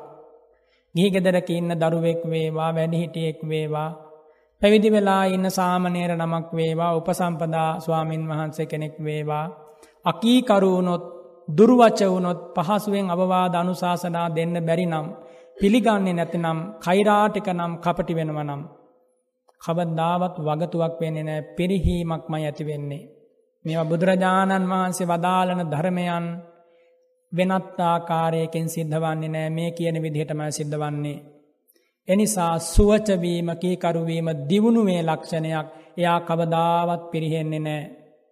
එදා භාග්‍යවතුන් වහන්සේ වෙත ආපු අංගුලිමාල බුදුරජාණන් වහන්සේට කීකරුණා රහතන් වහන්සේ නමක් වුණේ කීකරු වෙච්ච නිසා. ඒ වගේම බුදුරජාණන් වහන්සේ සොයාගනාපු යසකුල පුත්‍රයා බුදුරජාණන් වහන්සට කීකරුණා. පටාචාරාව භාග්‍යවතුන් වහන්සට කීකරුණා. වැඩිය නෙමෙයි නාලාගිරි හස්තිරාජය පවා බුදුරජාණන් වහන්සේට කීකරුණා මෙල්ල වුණා. අද දිව්‍ය ලෝකෙ සැප සම්පත් ලබනවා. ඔය විදිහට ලක්ෂ ගණනක් දෙනා බුදුරජාණන් වහන්පට මෙල්ල වුණා කීකරුණා. දෙව්දත් තෙරුන් දහස් ගණනක් ඊතල්ල දුනු අතට දීලා බුදුරජාණන් වහන්සට විදින්න එව්වා. ඒ හැම කෙනෙක්ම භාග්‍යවතුන් වහන්සට කී කරුණා මෙල්ල වුණා. ඒ හැම කෙනෙක්ම මහා දුකක් අවසන් කරලා උත්තම ශාන්තියට පත් වනා. එනිසා කීකරුවීම තරම් වටිනා දෙයක් තවත් නෑ මේ උතුම් ධර්මය ඉදිරියේ. එනිසා මේ හෑම බණපදයක් ඉදිරියේම ඔබ මෙල්ල වෙන්න දමනය වෙන්න ශාන්ත වෙන්න නිවෙන්න පිළිගන්න. පිළිගන්නේ ඔබ වෙනුවෙන් ඔබේ සැනසීම වෙනුවෙන්. ඊළඟට බුදුරජාණන් වහන්සේ වදාරෙනවා පුනච පරම් භික්කවේ භික්කු යානිතානි සබ්‍රහ්මචාරේනං උච්චාවචානි කිං කරණීයානි තත්හ දක්හෝ හෝති අනලසෝ. බලන්න මොනතරන්නම් යහපත් ලෝකයක් හැදෙනවද මේ විදිහට මිනිස්සු වැඩ කරන්න ගත්තොත්. ගිහිගෙදරක ඉන්න කෙනෙක් වේවා පැවිදි විශේෂයෙන් පැවිදි ජීවිතයක් ගත කරන ස්වාමින් වහන්සේලාගේ සමගිය ජන සමාජයකට යහපතට හේතු වෙනවා. සුඛා සංඝස්ස සාමග්ගී සංඝයාගේ සමගිය සැපයක්නේ. සංඝයා භේද වුණොත් භින්න වුණොත් ඒක මිනිසුන්ට විතරක් නෙමෙයි දෙවියන්ටත් අලාභය පිණිස පවතිනවා. සංඝයාගේ සමගිය මහා ශාන්තියක්. සංඝයා සමගි වෙන්නට මේ විදිහේ ගුණධර්ම සංඝරත්නය තුළ තිබිය යුතුයි. කුමක්ද යම් භික්‍ෂූන් වහන්සේ නමක් තමන් එක එකට ජීවත් වන සබ්‍රහ්මචාරයෙන් වහන්සේලගේ කටයුතු තියෙනවා සිවුරු මහනේවා පණ්ඩු පෝනේවා පාත්‍ර කළු කරනේවා සෙනසුන් පිළිදැගුම් කරගන්නා කටයුතු ගිලන් උපස්ථාන වැඩිහිටිය උපස්ථාන කුදු මහත් වත් පිළිවෙත්. මේ දේවල් කම්මැලි නොවී විමසා බලා හොයා බලා කාරුණික සිතකින් ඒ දේවල් ඉටු කරලා දෙනවනං අන්නේ කාරණය පරිහානියේ කාරණයක් නෙමෙයි දියුණුවේ කාරණයක් මයි. ගිහි ගෙදරක ඉන්න කෙනෙක් ගත්තොත් අම්ම තාත්ත දරුවන්ගේ කටයුතු දරුව අම්ම තාත්තගේ කටයුතු වැඩිහිටියන්ගේ සහෝදර ඥාතීතවතුන්ගේ පුළුවන් පමණින් ශක්ති පමණින් තමන්ගේ හැකියාව පමණින් පසු බසින්නේ නැතිව කපටිකමින් වසං වෙන්නේ නැතිව ඕනෑකමින් තමන්ට හැකි විදිහට ඉෂ්ට කළ දෙනවනං කොච්චර සමගියක් ඇති වෙනවද. සමගිය සැපයට හේතුවක්නේ අසමගිය දුකට හේතුවක්. එනිසා බුදුරජාණන් වහන්සේ වදාරෙනවා බුදු සසුනේ පැවැත්මට හේතුවන වටිනාම පුරුද්දක් ගුණයක් තමයි ඔවුනොවුන්ට උපකාර කර ගැනීම මහා සංගරත්නය වශයෙන්ද ගිහියත්ව වශයෙන්ද ඒ කරුණ සම්පූර්ණ වෙන්නට ඕන ඊළඟට පුනචපරම් භික්කවේ භික්කු ධම්මකාමෝ හෝති පිය සමුදාහාරෝ අභිදම්මේ අභිවිනයේ උලාර පාමොජ්ජෝ. ඔන්න බලන්න ඊළඟ කාරණය. මේ ශාසනයේ පැවිදි වූ ස්වාමින් වහන්සේ පිය සමුදාහාරෝ ප්‍රිය වචන කතා කරන කෙනෙක් වෙන්ටෝන. නපුරු වචන දැඩි වචන ගොරහැඩි වචන රල්ලු වචන ඕලාරික වචන ලාමක වචන කතා කරනවනං යා පිරිහිච්ච කෙනෙක් පිරිහෙන කෙනෙක්. පිය සමුදාහාර කියන්නේ මිහිරි අර්ථාන්විත වචන කතා කරනවා. එකට එක කියන්න යන්නේ නෑ ගැටෙන්න යන්නේ නෑ ඔවුනොවුන් පරයා යන්න කතා කරන්නේ නෑ තව ස්වාමීන් වහන්සේ කෙනෙක් භික්‍ෂූන් වහන්සේ කෙනෙක් හෙලා තලා පෙලා කතා කරන්නේ නෑ ගෞරවයෙන් සබ්‍රක්්මචාරීන් වහන්සේලා පිළිබඳව කතා කරනවා. එහෙම නැත්තං යාට ගුණයක් වැඩිච්ච කෙනෙක් නෙමේ යා පෙරහිච්ච කෙනෙක්. අභිදම්මේ අභිවිනයේ උලාර පාමොජ්ජෝ ඉතා ගැඹුරු ධර්ම පරියායන් බුදුරජාණන් වහන්සේ චිත්ත චෛතසික රූප නිර්වාණ විභාගේ සහිතුව වදාළ සප්ත ප්‍රකරණයකින් සමන්නාගත අභිධර්මය පිළිබඳව දැනුමකින් යුතුවීම. ඒ වගේම කුදුමහත් වත්තක් කන්දකයන් සහිතව දේශනා කරපු අභිවිනයෙහි දක්ෂවීම කුඩා මහත් සියලු කටයුතුවල දක්ෂවීම තුළ පිරිහීමක් කිසිදාක ඇතිවන්නේ නෑ මේ බුද්ධ ශාසනය තුළ. එනිසා ඔබ හිතන්න සැනසෙන්න ජීවිත සටන ජයගන්න බලාපොරොත්තු වෙනවනං මේ කියපු විදිහට පුරුදු කරන්නම වෙනවා. ඔබ ගිහිගෙදරක ඉන්න කෙනෙක් වනත් මේ ධර්මයට ප්‍රිය කරන්න ගරු කරන්න ධර්මයට අවමන් කරන්න එපා. ධර්මයට අපහාස නින්දා කරන අයත් එක්ක එකතු වෙන්න එපා. හැල්ලුවෙන් මේ කරුණු සලකන්න එපා. හොඳර මතක තබාගත යුතු කරුණක් ඒ කාරණය තියෙනවනං ඔබ කවදාකවත් පිරිහෙන්නේ නෑ.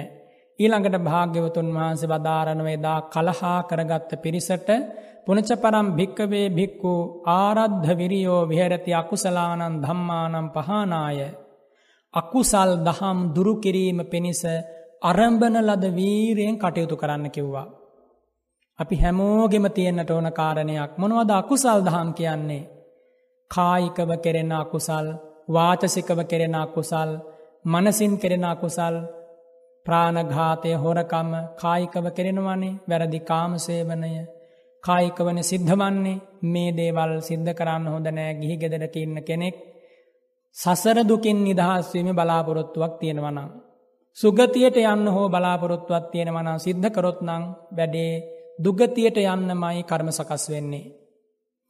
ඊළඟට වචනයෙන් බොරුකීම නපුරු වචන කතහා කිරීම කේල්ලම ඒවගේම ඔය දෙතිස් කතා කියලා තියෙන රාජ කතා චෝර කතා මහාමත්ත කතා ගාම නිගම ජනපද රට්ට ඒව ගැන කතා කරනවා. පලක් වන්නේ නෑ නලු නිලියෝ ගායක ගායකාවෝ නර්තන වාදන මෙව ගැන කතා කරනවා. පලක් වන්නේ නෑ. ඒවගේම සාගර මුහුදු පරුවත මෙව ගැන කතා කරනවා පලක් වන්නේ නෑ කෙලෙස් වැඩෙනවා. ඒ මහැනකොට හිතෙන්න්න පුළුව මොනවද අපිට කතා කරන්න ඉතුරු වෙන්න කියලා. ඒවට බුදුරජාණන් වහන්සේ බදාරෙනවා දස කතාවන්ගෙන් යුක්ත වන්න කියලා. මොනවද දස කතා කියන්නේ. අපිච්ච කතා ලදදෙයින් නැත්තං අල්පේච්චව ජීවත්වීම හැකියාව ගැන කතා කිරීම. එහි වටිනාකම ගැන සාකච්ඡා කිරීම. අපිච්ච කතා බොහෝ දේවල් බලාපොරොත්තු වෙන්නේ නෑ තන්හාාවෙන්. ඒවගේම සන්තුට්ටි කතා භික්ෂුවක් ගත්තොත් ලැබෙන පින්ඩ පාතයකින් සිවුඩකින් සෙනසුනකින් සතුටු වෙනවා. ගීයත් අන්ට දායකයන්ට බැන වදින්නේ නෑ දොස් කියන්නේ නෑ. ලැබිච්ච පින්ඩ පාතය අවමන් කරන්නේ නෑ නොලැබිච්චදේ වර්ණනා කරන්නෙත් නෑ. සන්තුට්ටෙ කතා. ඒවගේම පවිවේක කතා හුද කලාවේ ධර්මය පුරුදු කරන්නට ලැබීම වටිනාකම ගැන සාකච්ඡා කරමින් කියල දෙනවා. ගියත් වනත් එහෙම තමයි අල්පේච්චවීම ලද දෙයකින් සතුටුවීම නැතිවෙච්ච තැනනේ හැම ප්‍රශ්නයක්ම ඇතිවුණේ ගිහි ජීවිතේ. වෙන විදිහකින් මේ භාග්‍යවතුන් වහන්සේ වදාලෙන් මේ විදිහට නම් ප්‍රශ්න ඇතිවෙන්න ඒ විදිහටමයි ප්‍රශ්න ඇතිවෙන්නේ අය වෙනත් ආකාරයක් නෑ. අල්පේච්ච වුනානං ඔබ කවදාවත් මානසික පීඩාවක් ඇතිවෙන්නේ නෑ. ලදදයින් සතුට වනානං කවදාවත් ගැටුම් ඇතිවෙන්නේ නෑ තරහා ඉරිසියාව ඇතිවෙන්නේ නෑ. පවිවේකය හුද කලාවේ බණභාවනා කරන කැමැත්ත ඇති වුනානං කවදාකවත් කෙලෙස් ගින්නට යට වෙන්නේ නෑ. ඒ වගේම බුදුරජාණන් වහන්සේ වදාරනෝ විරියාරම්භ කතා වීරිය වඩනාකාරය ගැන අකුසල් තවනාකාරය ගැන කතා වෙන්නට ඕන.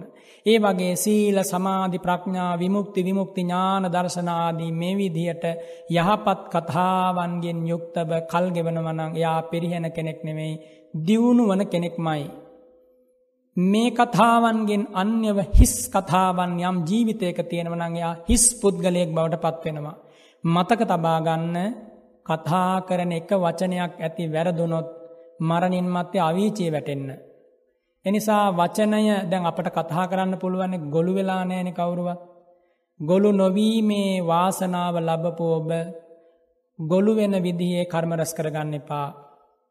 යහපත් වචන කතා කරන්න මා ඔබ අපි සියලු දෙනාම වචනය අයහපත් විදියට භාවිත කළොත් එමගින් මහා දුකකට වැටෙනවා අභිද්‍යාව ව්‍යාපාදය මිත්‍යා දෘෂ්ටිය මෙවා මානසිකව පහළවන අකුසල් දැඩි ලෝභය වෛරය මිසදිටු අදහස් ගැනීම මේ විදියට ద్వාරත්‍රයෙන් සිද්ධ වන අකුසල් වේ නම් ඒවා දුරු කරදාන්නට උත්සාහවත්වීම නොපිරිහීම පිණිසමයි හේතු වෙන්නේ පිරිහීම පිණිස නෙමෙයි.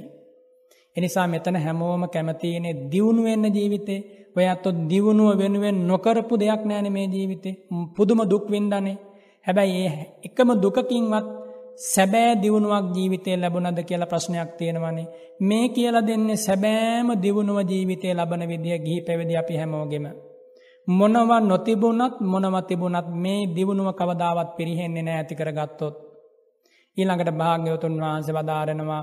පුනච පරම් භික්කවේ භික්කු සන්තුට් හෝ හෝති ඉතරීතර චීවර පිණ්ඩ පාදසේනාසන ගිලානක් පච්චේ භේ සජ්‍ය පරික්හාරේන. භික්ෂුවක් වුණොත් තමන්ට ලැබෙන සිවුරු පින්ඩපාතේ සේනාසනය ගිලම් පස බෙහෙත් පරිෂ්කාර මේ වගේ සතුට වෙන්න ඕනි සෑහීමට පත්වෙන්න ඕනි. ඉඳුල් බතක් ලැබුණත් වලඳල සතුටින් ඉන්න පුළුවන් වෙන්න ඕන. උනුූනුවේ ලැබුණත් නීරසව ලැබුණත් ලුණුවැම්බුල් ඇතුව නැතුව ලැබුණත් කැමති අකමැති කොයි විදියට ලැබුණත් සතුටින් ඒදේ පරිහරණය කරලා. පිදුරුකුටියක් ලැබුණත් සුව පහසුකර කුටියක් ලැබුණත් ගල්ලෙනක් ලැබුණත් හොඳ ආවාසයක් ලැබුණත් ඇඳ ඇතිල්ලි කොට්ටමෙට්ට ලැබුණත් නොලැබුණත් බිම පන් පැදුරක හෝ සැනහිල්ලේ සැතපෙන්න්න පුළුවන් විදිට හිතහදාගන්ටඕන. නැත්තං කවදාව සතුටු වෙන්න නම් බෑ. ගිහි ගෙදරකත් එහෙම තමයි. නොලැබිච්ච කෑමබීම නොලැබිච්ච ඇඳුම් පැළඳුම් නොලැබිච්ච යානවහන වාසස්ථාන ගැන තුන්තිස් පැයේම කල්පනා කර කර හිටියොත් හිතට සහනයක් තියේ විද. ඊට වඩා ලැබිච්ච එකම ඇඳුම වනත් පිරිසුදු කරලා සෝදල අඳන්න පුළුවන් තරමට මනසහදා ගත්තොත් ලැබිල තියෙන කුඩාම ආහාරයෙන් නමුත් යැපෙන්න්න පුළුවන් විදිට හිත හදාගත්තොත්. අතු පැළේ වනත් පිදුරු ගේක වනත් අතුපතු ගාල පිරිසිදු කල්ල ඉන්න පුළුවන් විදිට හිත හදාගත්තොත්. කොච්චර සැනසිල්ලක් ලැබෙනවද සිල්වත් වෙලා ගුණවත් වෙලා එහෙම හිටපු මිනිසු ඉතිහාස හිටියන මේ මහා පොළොව තුළ. ඒ අත්තු මරණින් මත්තේ පිදුරු කුටියේ මැරිලා ගිහිල්ල උපදිනකොට මහා දිව්‍ය විමාන පහළ වෙලා. යොදුන් ගණන් උසයි.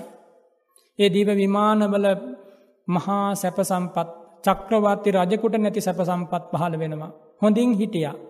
සමහර ඇත්තු මහ මැදුරුවල ජීවත් වනා ආරක්ෂක පවුරු හතක් මැදට වෙලා මරණින් මත්‍ය ආවීචයට වැටුණා. එනිසා මේ වරදවා ගත්තොත් ප්‍රතිඵලයත් දුකට හේතු වෙනවා. ඊළඟට බුදුරජාණන් වහන්සේ වදාරනවා ගිහි පැවිදි අපි හැමෝම ලද දෙයෙන් සතුටුවීම අගයමින් ජීවත්වෙන්න පුරුදුුවෙන්ට ඕන. පුනච පරම් භික්කවේ භික්කු පරමේන සතිනේපක්කේන සමන්නාගතෝ චිරකතම්පි චිරභාසිතම්පි සරිතා අනුස්සරිතා ඊළඟකාරණය සැනසීම පිණිස හේතුවන. සතිමත්වීම සතර සතිපට්ඨානය පුරුදු කිරීම. චිර කතම්පි චිර භාසිතම්පි සරිතා අනුස්සරිතා බොහෝ කාලෙකට කලින් කරන ලද යහපත් දේවල් ඉගෙන ගන්න ලද ධර්ම පරියායන් වනත් සිහිකර ගැනීමේ හැකියා ඇති කරගන්න ඕන. කවදාවත් පිරිහෙන්නේ නෑ. දැන් අද මේ ඇසපු බණපදය හොඳට මතකතියාගන්න මේ කියපු කරුණු සම්මර්ශණය කරන්න. නැවත නැවත අසමින්. තමන්ගේ ජීවිතයට මේක ආදාසයක් කරගන්න. කුමක් දාදාසයක් කියන්නේ? කැඩ පතක් නැත්තං කන්නාඩියක්. මේ ධර්මය ආදාසයක් කරගන්න. කන්නාඩියක් ඉස්සරහට ගිහිල්ල මූුණ බලනකොට ශරීරයේ දිහා බලනකොට අඩුපාඩු පේනවනේ. කුණු දූවිලි තියෙනවනං ලප කැලෑල් තියෙනවනං කොන්්ඩේ පීරලා තියද්දී අවුල් වෙලා තියෙනවන මෙව පේනවා. ඒතැන් නිවැරදි කරගන්න පුළුවන් කන්නාඩියෙන් පේන නිසා. මේ උත්තම ධර්මයත් අන්න බඳු ආදාසයක් දුස්සීලකම් තියෙනවනං එව්ව නැති කරගන්න. ක්‍රෝධ දවේශ වෛරමාන හටගන්නවනං එව්ව නැති කරගන්න. දහම් දැනුමක් නැත්තං එක ඇති කරගන්න. හොඳ පුරුදු යහපත් පුරුදු ඇති කරගන්න. ශ්‍රද්ධාදී ගුණධර්ම දියුණු කරන්න මේ දහම තරම් ආදාසයක් තවත් ඇත්තෙ නෑ ලෝකෙ කාටවත්. එනිසා මෙලොවින් පරලොවට යනදා සුගතියක උපදින්න. චතුරාර්ය සත්‍ය අවබෝධ කරගලා මෙලොවදිම සැනසෙන්න මේ ධර්මය තරම් වෙන වටිනා දෙයක් ලෝකෙ ඇත්තෙ නෑ. එනිසා මේ ධර්මය ආදාශයක් කරගන්න හැම කෙනෙක්ම. බුදුරජාණන් වහන්සේ වදාළෙ සතිමත්වීම සෑම ප්‍රශ්නයක්ම විසඳෙන්ට හේතුවක්. සිහිය නැතිකම නිසානි ප්‍රාණඝාතාදී හෑම අකුසලයක්ම සිද්ධ වෙන්නේ. සිහිය නිසානි දන් දෙන්නේ සිය තිබුණොත්මයි දන් දෙන්න පුළුවන්. දැන් අද වගේ දවසක පින්වත් කාශ්‍යප ස්වාමීන් වහන්සේ ඇතුළු මේ සුවිශාල පිරිසක් මේ විදියට බොහෝ දින ගණනක පටන් මේ සාසිරිමත් පින්කමක් සිද්ධ කරන්නට දුර බැහැරෙන්දං සමගි වෙලා සතුටු වෙලා එකමුතු වෙලා මෙච්චර දුරක් එද්දි සිහිය නැත්තන් සතිය කියන චෛතසිකය බලවත් වෙලා සතිනම් වූ චෛතසිකයේ හේතු කරගෙන වැඩිච්ච කුසල් දහම් පරම්පරාවක් තමයි මේ විදියට අද මේ හෝරා කිහිපයක් පුරාවට සිද්ධ වෙලා දැන් අවසන් වේගෙන යන්නේ. හිත හිතා අනාගතයේ දිනක මැරණකන් සතුටු වෙන්න පුළුවන් ගමනක්නේ. වන්දනා ගමනක් ආව වගේ. මහා සංඝරත්නය දැක බලා වැඳපුදා පිළිගෙන. මොනතරම් පින්කම් ටිකක් කරගන්නට අවස්ථාව ලැබුණද මේ සෑම තත්පරයකම. දැන් මේ මොහොත ඔබ ගෙදර හිටියත් ඔබ රැකියා ස්ථානය හිටියත් වෙන තැනක හිටියත් ගෙවි ගෙවී යනවාම යාය දවසක කිසිදාක මතු කරලා ඇදල ගන්න බෑ. හැබැයි ඔබ මේ මොහොතේ රැස්කරපු කුසල ධර්ම සම්භාරය ඔබව තනි කරන්නේ නෑ කිසිම දාක. සෝමනස්ස සාගතයි ඥාන සම්ප්‍රයුක්තය අසංස්කාරික කුසල ජවන්වාර බොහෝ ජනනය වෙන ඉතා වටිනා සිරිමත් සොඳුරු මොහොතක්. බුදුරජාණන් වහන්සේගේ ධර්මයට අනුව කියලා දුන්නොත්. එනිසා සිහි කර කර සතුටු විය හැකි බොහෝ පින් ටැස් වෙච්ච මොහොතක සතිමත් භවයේ වටිනාකම වටහා ගන්න. සිහිය ඇතිව කල්ගත කරොත් නපුරු වචන කියවෙන්නේ නෑ නපුරු සිතිවිලි හිතට එන්නේ නෑ සතිපට්ඨානය භාවිතයට ගන්නවා. කායගතා සතියෙන් මේ කය ආදීනව මෙනෙහි කරනවා. කොටස් වසයෙන් ශරීරය දෙස බලනවා කේසා ලෝමානකාදන්තාදී වශයෙන් ඒ වගේම ආයතන වශයෙන් බලනවා චක්කු සෝතාදී වශයෙන් ධාතු වශයෙන් බලනවා පටවියාපෝතේජවායෝ වශයෙන් මෙහෙම බලනකොට ජීවිතයේ දිහා සතිය දියුණු වෙනවා. විරාගය නොඇල්ම ඇති වෙනවා. මරණ සංඥාව ප්‍රහාණ සංඥාව වැඩෙනවා. අනිච්ච සංඥාව වැඩෙනවා. රූපං අනිච්චං වේදනානිච්චා එහෙම හිතන්න පුළුවන් හැම කෙනෙකුටම. එහෙම හිතනකොට ඒ සංඥාවත් එක්ක හිත ඇතුළේ නීවරණ ධර්ම සංසිඳෙනවා. ප්‍රඥාව මතුවෙනම පහළ වෙනවා. අනිත්‍ය සංඥා වඩපු කෙනාට ඊළඟට වැඩක් තියෙනවා. අනිත්‍යයේ දුක්ඛ සංඤිනෝ. ඒ අනිත්‍ය දේවල් පිළිබඳව දුක්ඛ සංඥා මතු කරලා අවබෝධ කරගන්නවා. දුක්හේ අනත්ත සංඤිනෝ දුක් ධර්ම පිළිබඳව අනාත්ම සංඥාවත් පහළ කරගෙන ත්‍රිලක්ෂණය මෙනෙහි කරමින් මේ සංඥාව නැවත නැවත ප්‍රගුණ කරන ශ්‍රාවකයාට ප්‍රඥාව පහළ වෙනවා කුමක්ද ප්‍රඥාව පහළවීමෙන් සිද්ධ වන්නේ ඉමේ ආසවා මෙන්න මේවා තමයි කෙලෙස් කියලයාට වැටහෙනවා. ඉමේ ආසව සමුදයා මෙන්න මේවා නිසා තමයි මේ කෙලෙස් මේ දුක් හටගන්නේ කියලා දුකට හේතුව ආශ්‍රවයන්ට හේතුව අවබෝධ වෙනවා. ඊළඟට අවබෝධ වෙනවා තව දුරටත් නීවරණ සංසිඳුන මනසකින් සමාධිය වඩමින් ප්‍රඥාව පුරුදු කරද්දී දුක්ක නිරෝධයමයයි කියලා. දුක්ක නිරෝධය පිණිස හේතුවන අන්‍ය ප්‍රතිපදාවක් නෑ ආර්ය අෂ්ඨාංගික මාර්ගයයි.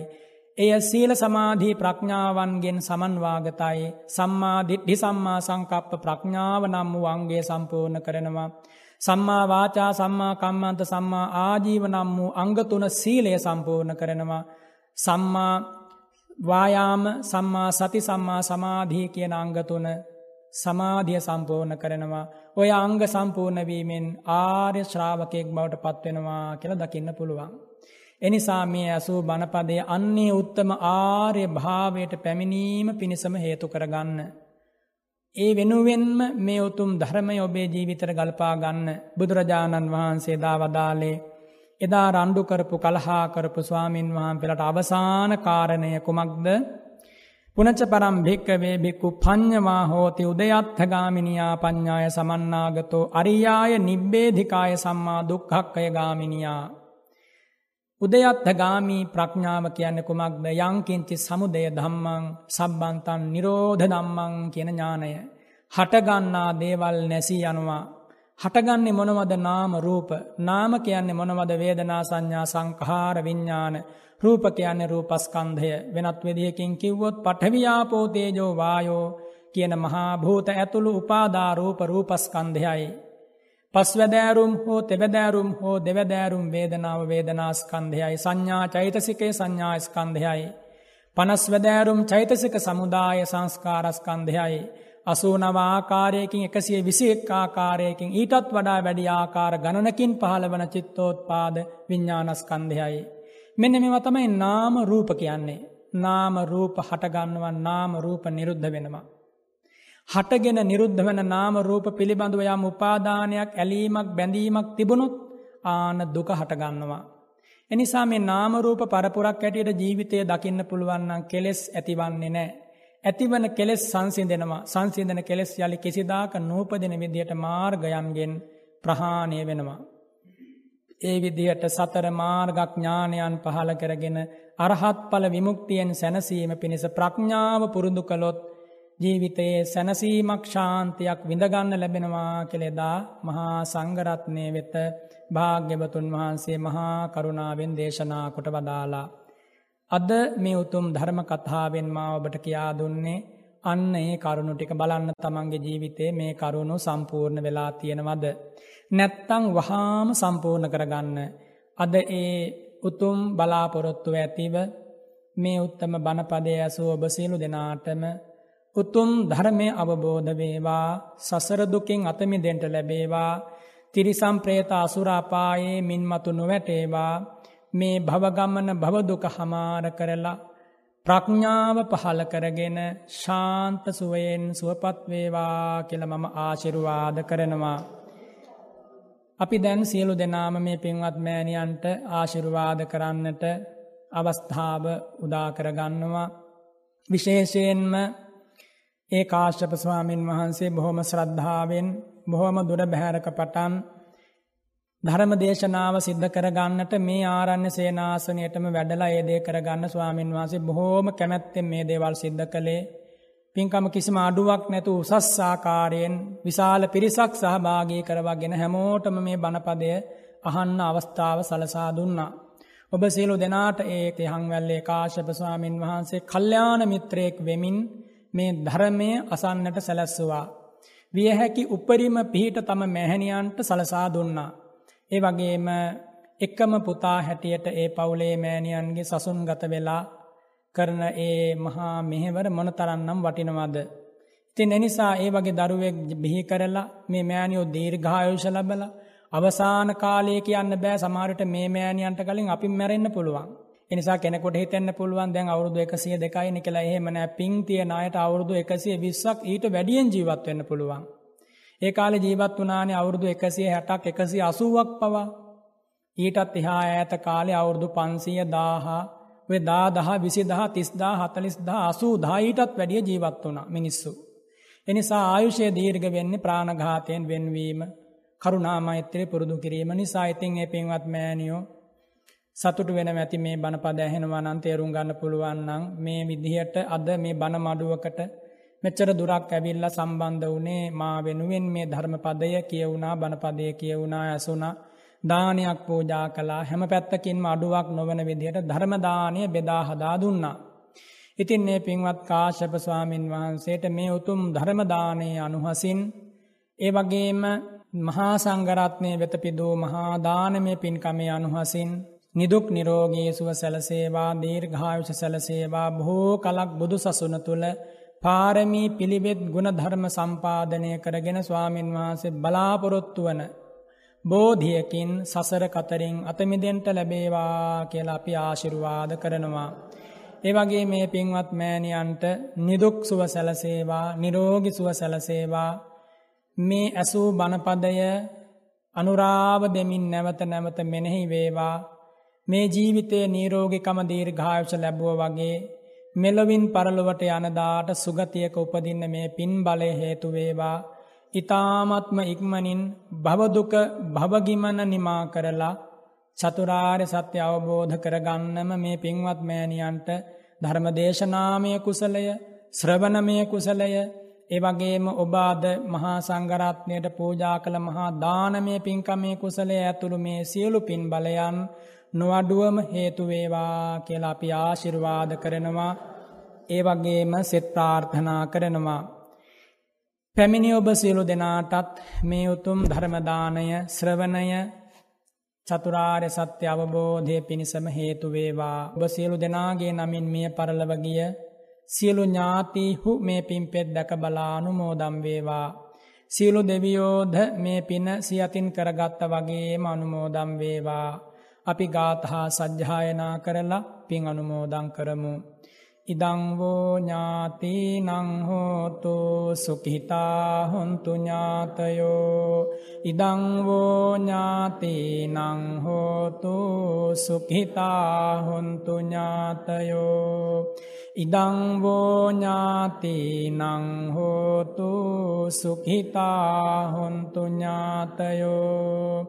ආකාසට්ඨාච භුම්මට්ඨා දේවානාගාමහිද්ධිකා පුඤ්ඤන්තං අනුමෝදිත්වා චිරං රක්ඛන්තු සම්බුද්ධ ශාසනං ආකාසට්ඨාච භුම්මට්ඨා දේවානාගාමහිද්ධිකා පුඤ්ඤන්තං අනුමෝදිත්වා චිරං රක්ඛන්තු සම්බුද්ධ දේශනං ආකාසට්ඨාච භුම්මට්ඨා දේවානාගාමහිද්ධිකා පුඤ්ඤන්තං අනුමෝදිත්වා චිරං රක්ඛන්තු සම්බුද්ධ ශාවකං චිරං රක්ඛන්තු ත්වං සදාති මම මහා සංඝරත්නය වෙනුවෙන් ඔබ සියලු දෙනාට ආශිර්වාද කරනවා. මා මේ හෝරා එක හමාරකට ආසන්න වෙලාවක් දේශනා කළ බුදුරජාණන් වහන්සේගේ සිරිමුව මඩලින් වදාළ මිහිරි සද්ධර්මය අනුහසින් සත්‍යානු භාවයෙන් අනන්ත බුදුගුණ බලයෙන් දම්ගුණ බලයෙන් සඟගුණ බලයෙන් ස්වර්ණමාලි මහා සෑ සමිදුගේ ජයසිරිමා බෝහාම් දුරුවන්ගේ අනුහසින් අතීතයේ මේ මහ පොළොවට පහළ වූ බුදු පසේ බුදු මහරහත් උතුමන්ගේ ගුණානු භාවයෙන් තේජානු භාවයෙන් බලානු භාවයෙන් මේ පින් අනුමෝදම්මන සියලු දෙවියන්ගේ ආශිරුවාදයෙන් අනුග්‍රහ බලයෙන් මේ පින්වත් කාශ්‍යප ස්වාමින් වහන්සේ ජිනානන්ද ස්වාමින් වහන්සේ ඇතුළු මහා සංඝරත්නය නිදුක් වෙත්වා නිරෝගි වෙත්වා සුවපත් වෙත්වා උත්තම ධර්මය මේ ජීවිතයේදීම අවබෝධ කරගන්න මේ මහා පින උපකාර වේවා. මේ පින්වත් මෑණියන් ඇතුළු මේ උතුම් බණපදයේ අසන ඔබ සියලු දෙනාටම මේ මහා ධර්මානිසංසය ආශිර්වාදය. ශාන්තිය පිණිස සැපය පිණිස සතුට පිණිස නිදුක් නිරෝගී බව පිණිසම හේතු වේවා. මෙලොව පරලොව ජයගන්න ලැබේවා. සසර කතරින් අතමිදීම පිණිසම මේ මහා ධර්මානුශාසනාව උපකාර වේවා කියලා මම ආශිර්වාද කරනවා. හැම කෙනෙක්ම නිදුක් වෙත්වා නිරෝගී වෙත්වා සුවපත් වෙත්වා. කායිකව මානසිකව සුවපත් භාවය ලැබේවා. යනේන ගමන බිමනි මග තොටේ වත්ත පිටිය රථවාහනය තුළ සියලු ආරක්ෂාව සැලසේවා. කොතනක වුණත් ජීවිතය අවසන් කරන මොහොතේ කළපින් සිහිවේවා සිහිවිකල් නොවේවා සිහිය පිහිටාවා චතුරාර්ය සත්‍ය දක්නා ඥානයම පහළ වේවා අනිත්‍ය දේ අනිත්‍ය පිළිබඳව අනිත්‍ය සංඥාව පහළ වේවා දුක්ඛ සංඥාවම පහළ වේවා අනාත්ම සංඥාවම පහළ වේවා අසුභ සංඥාවම පහළ වේවා නිරෝධ විරාග සංඥාවම පහළ වේවා සාන්ත අමා නිවනේ මිහිර සෑම හදවතකටම දැනේවා කියලා මම ආශිර්වාද කරනවා. සබ්බීතියෝ විවජ්ජන්තු සබ්බරෝගෝ විනස්සතු. මාතේ භවත්වන්තරායෝ සුඛීදී घायुකෝ භව භවතු සබ්බ මංගලම් රක්ඛන්තු සබ්බ දේවතා සබ්බ බුද්ධානුභාවේන සදා සොත්ති භවන්තු තේ සබ්බ ධම්මානුභාවේන සදා සොත්ති භවන්තු භවන්තුතේ සබ්බ සංඝානුභාවේන සදාසොද්ධි භවන්තුතේ අභිවාදන සීලිස්ස නිච්චං වද්ධාපචායිනෝ චත්තාරෝ ධම්මා වඩ්ඩන්ති ආයුවන්නෝ සුඛං බලං ආයු ආරෝග්‍ය සම්පත්ති සග්ග සම්පත්ති මේමච අත්හෝ නිබ්බාන සම්පත්ති ඉමිනාතේ සමිජ්ජතු. ඉච්ඡිතං පද්ධිතං තුයිහං කිප්පමේව සමිජ්ජතු. සබ්බේ පුරෙන්තු චිත්ත සංකප්පා චන්දෝපන්න රසී අත්හාති ධර්මශ්‍රවනානිසංස බලයෙන් හැම හදවතකටම සහනයක් වේවා කියල මමාශිර්වාද කරනවා සිරු දෙනාටම තෙරුවන් සරණයි.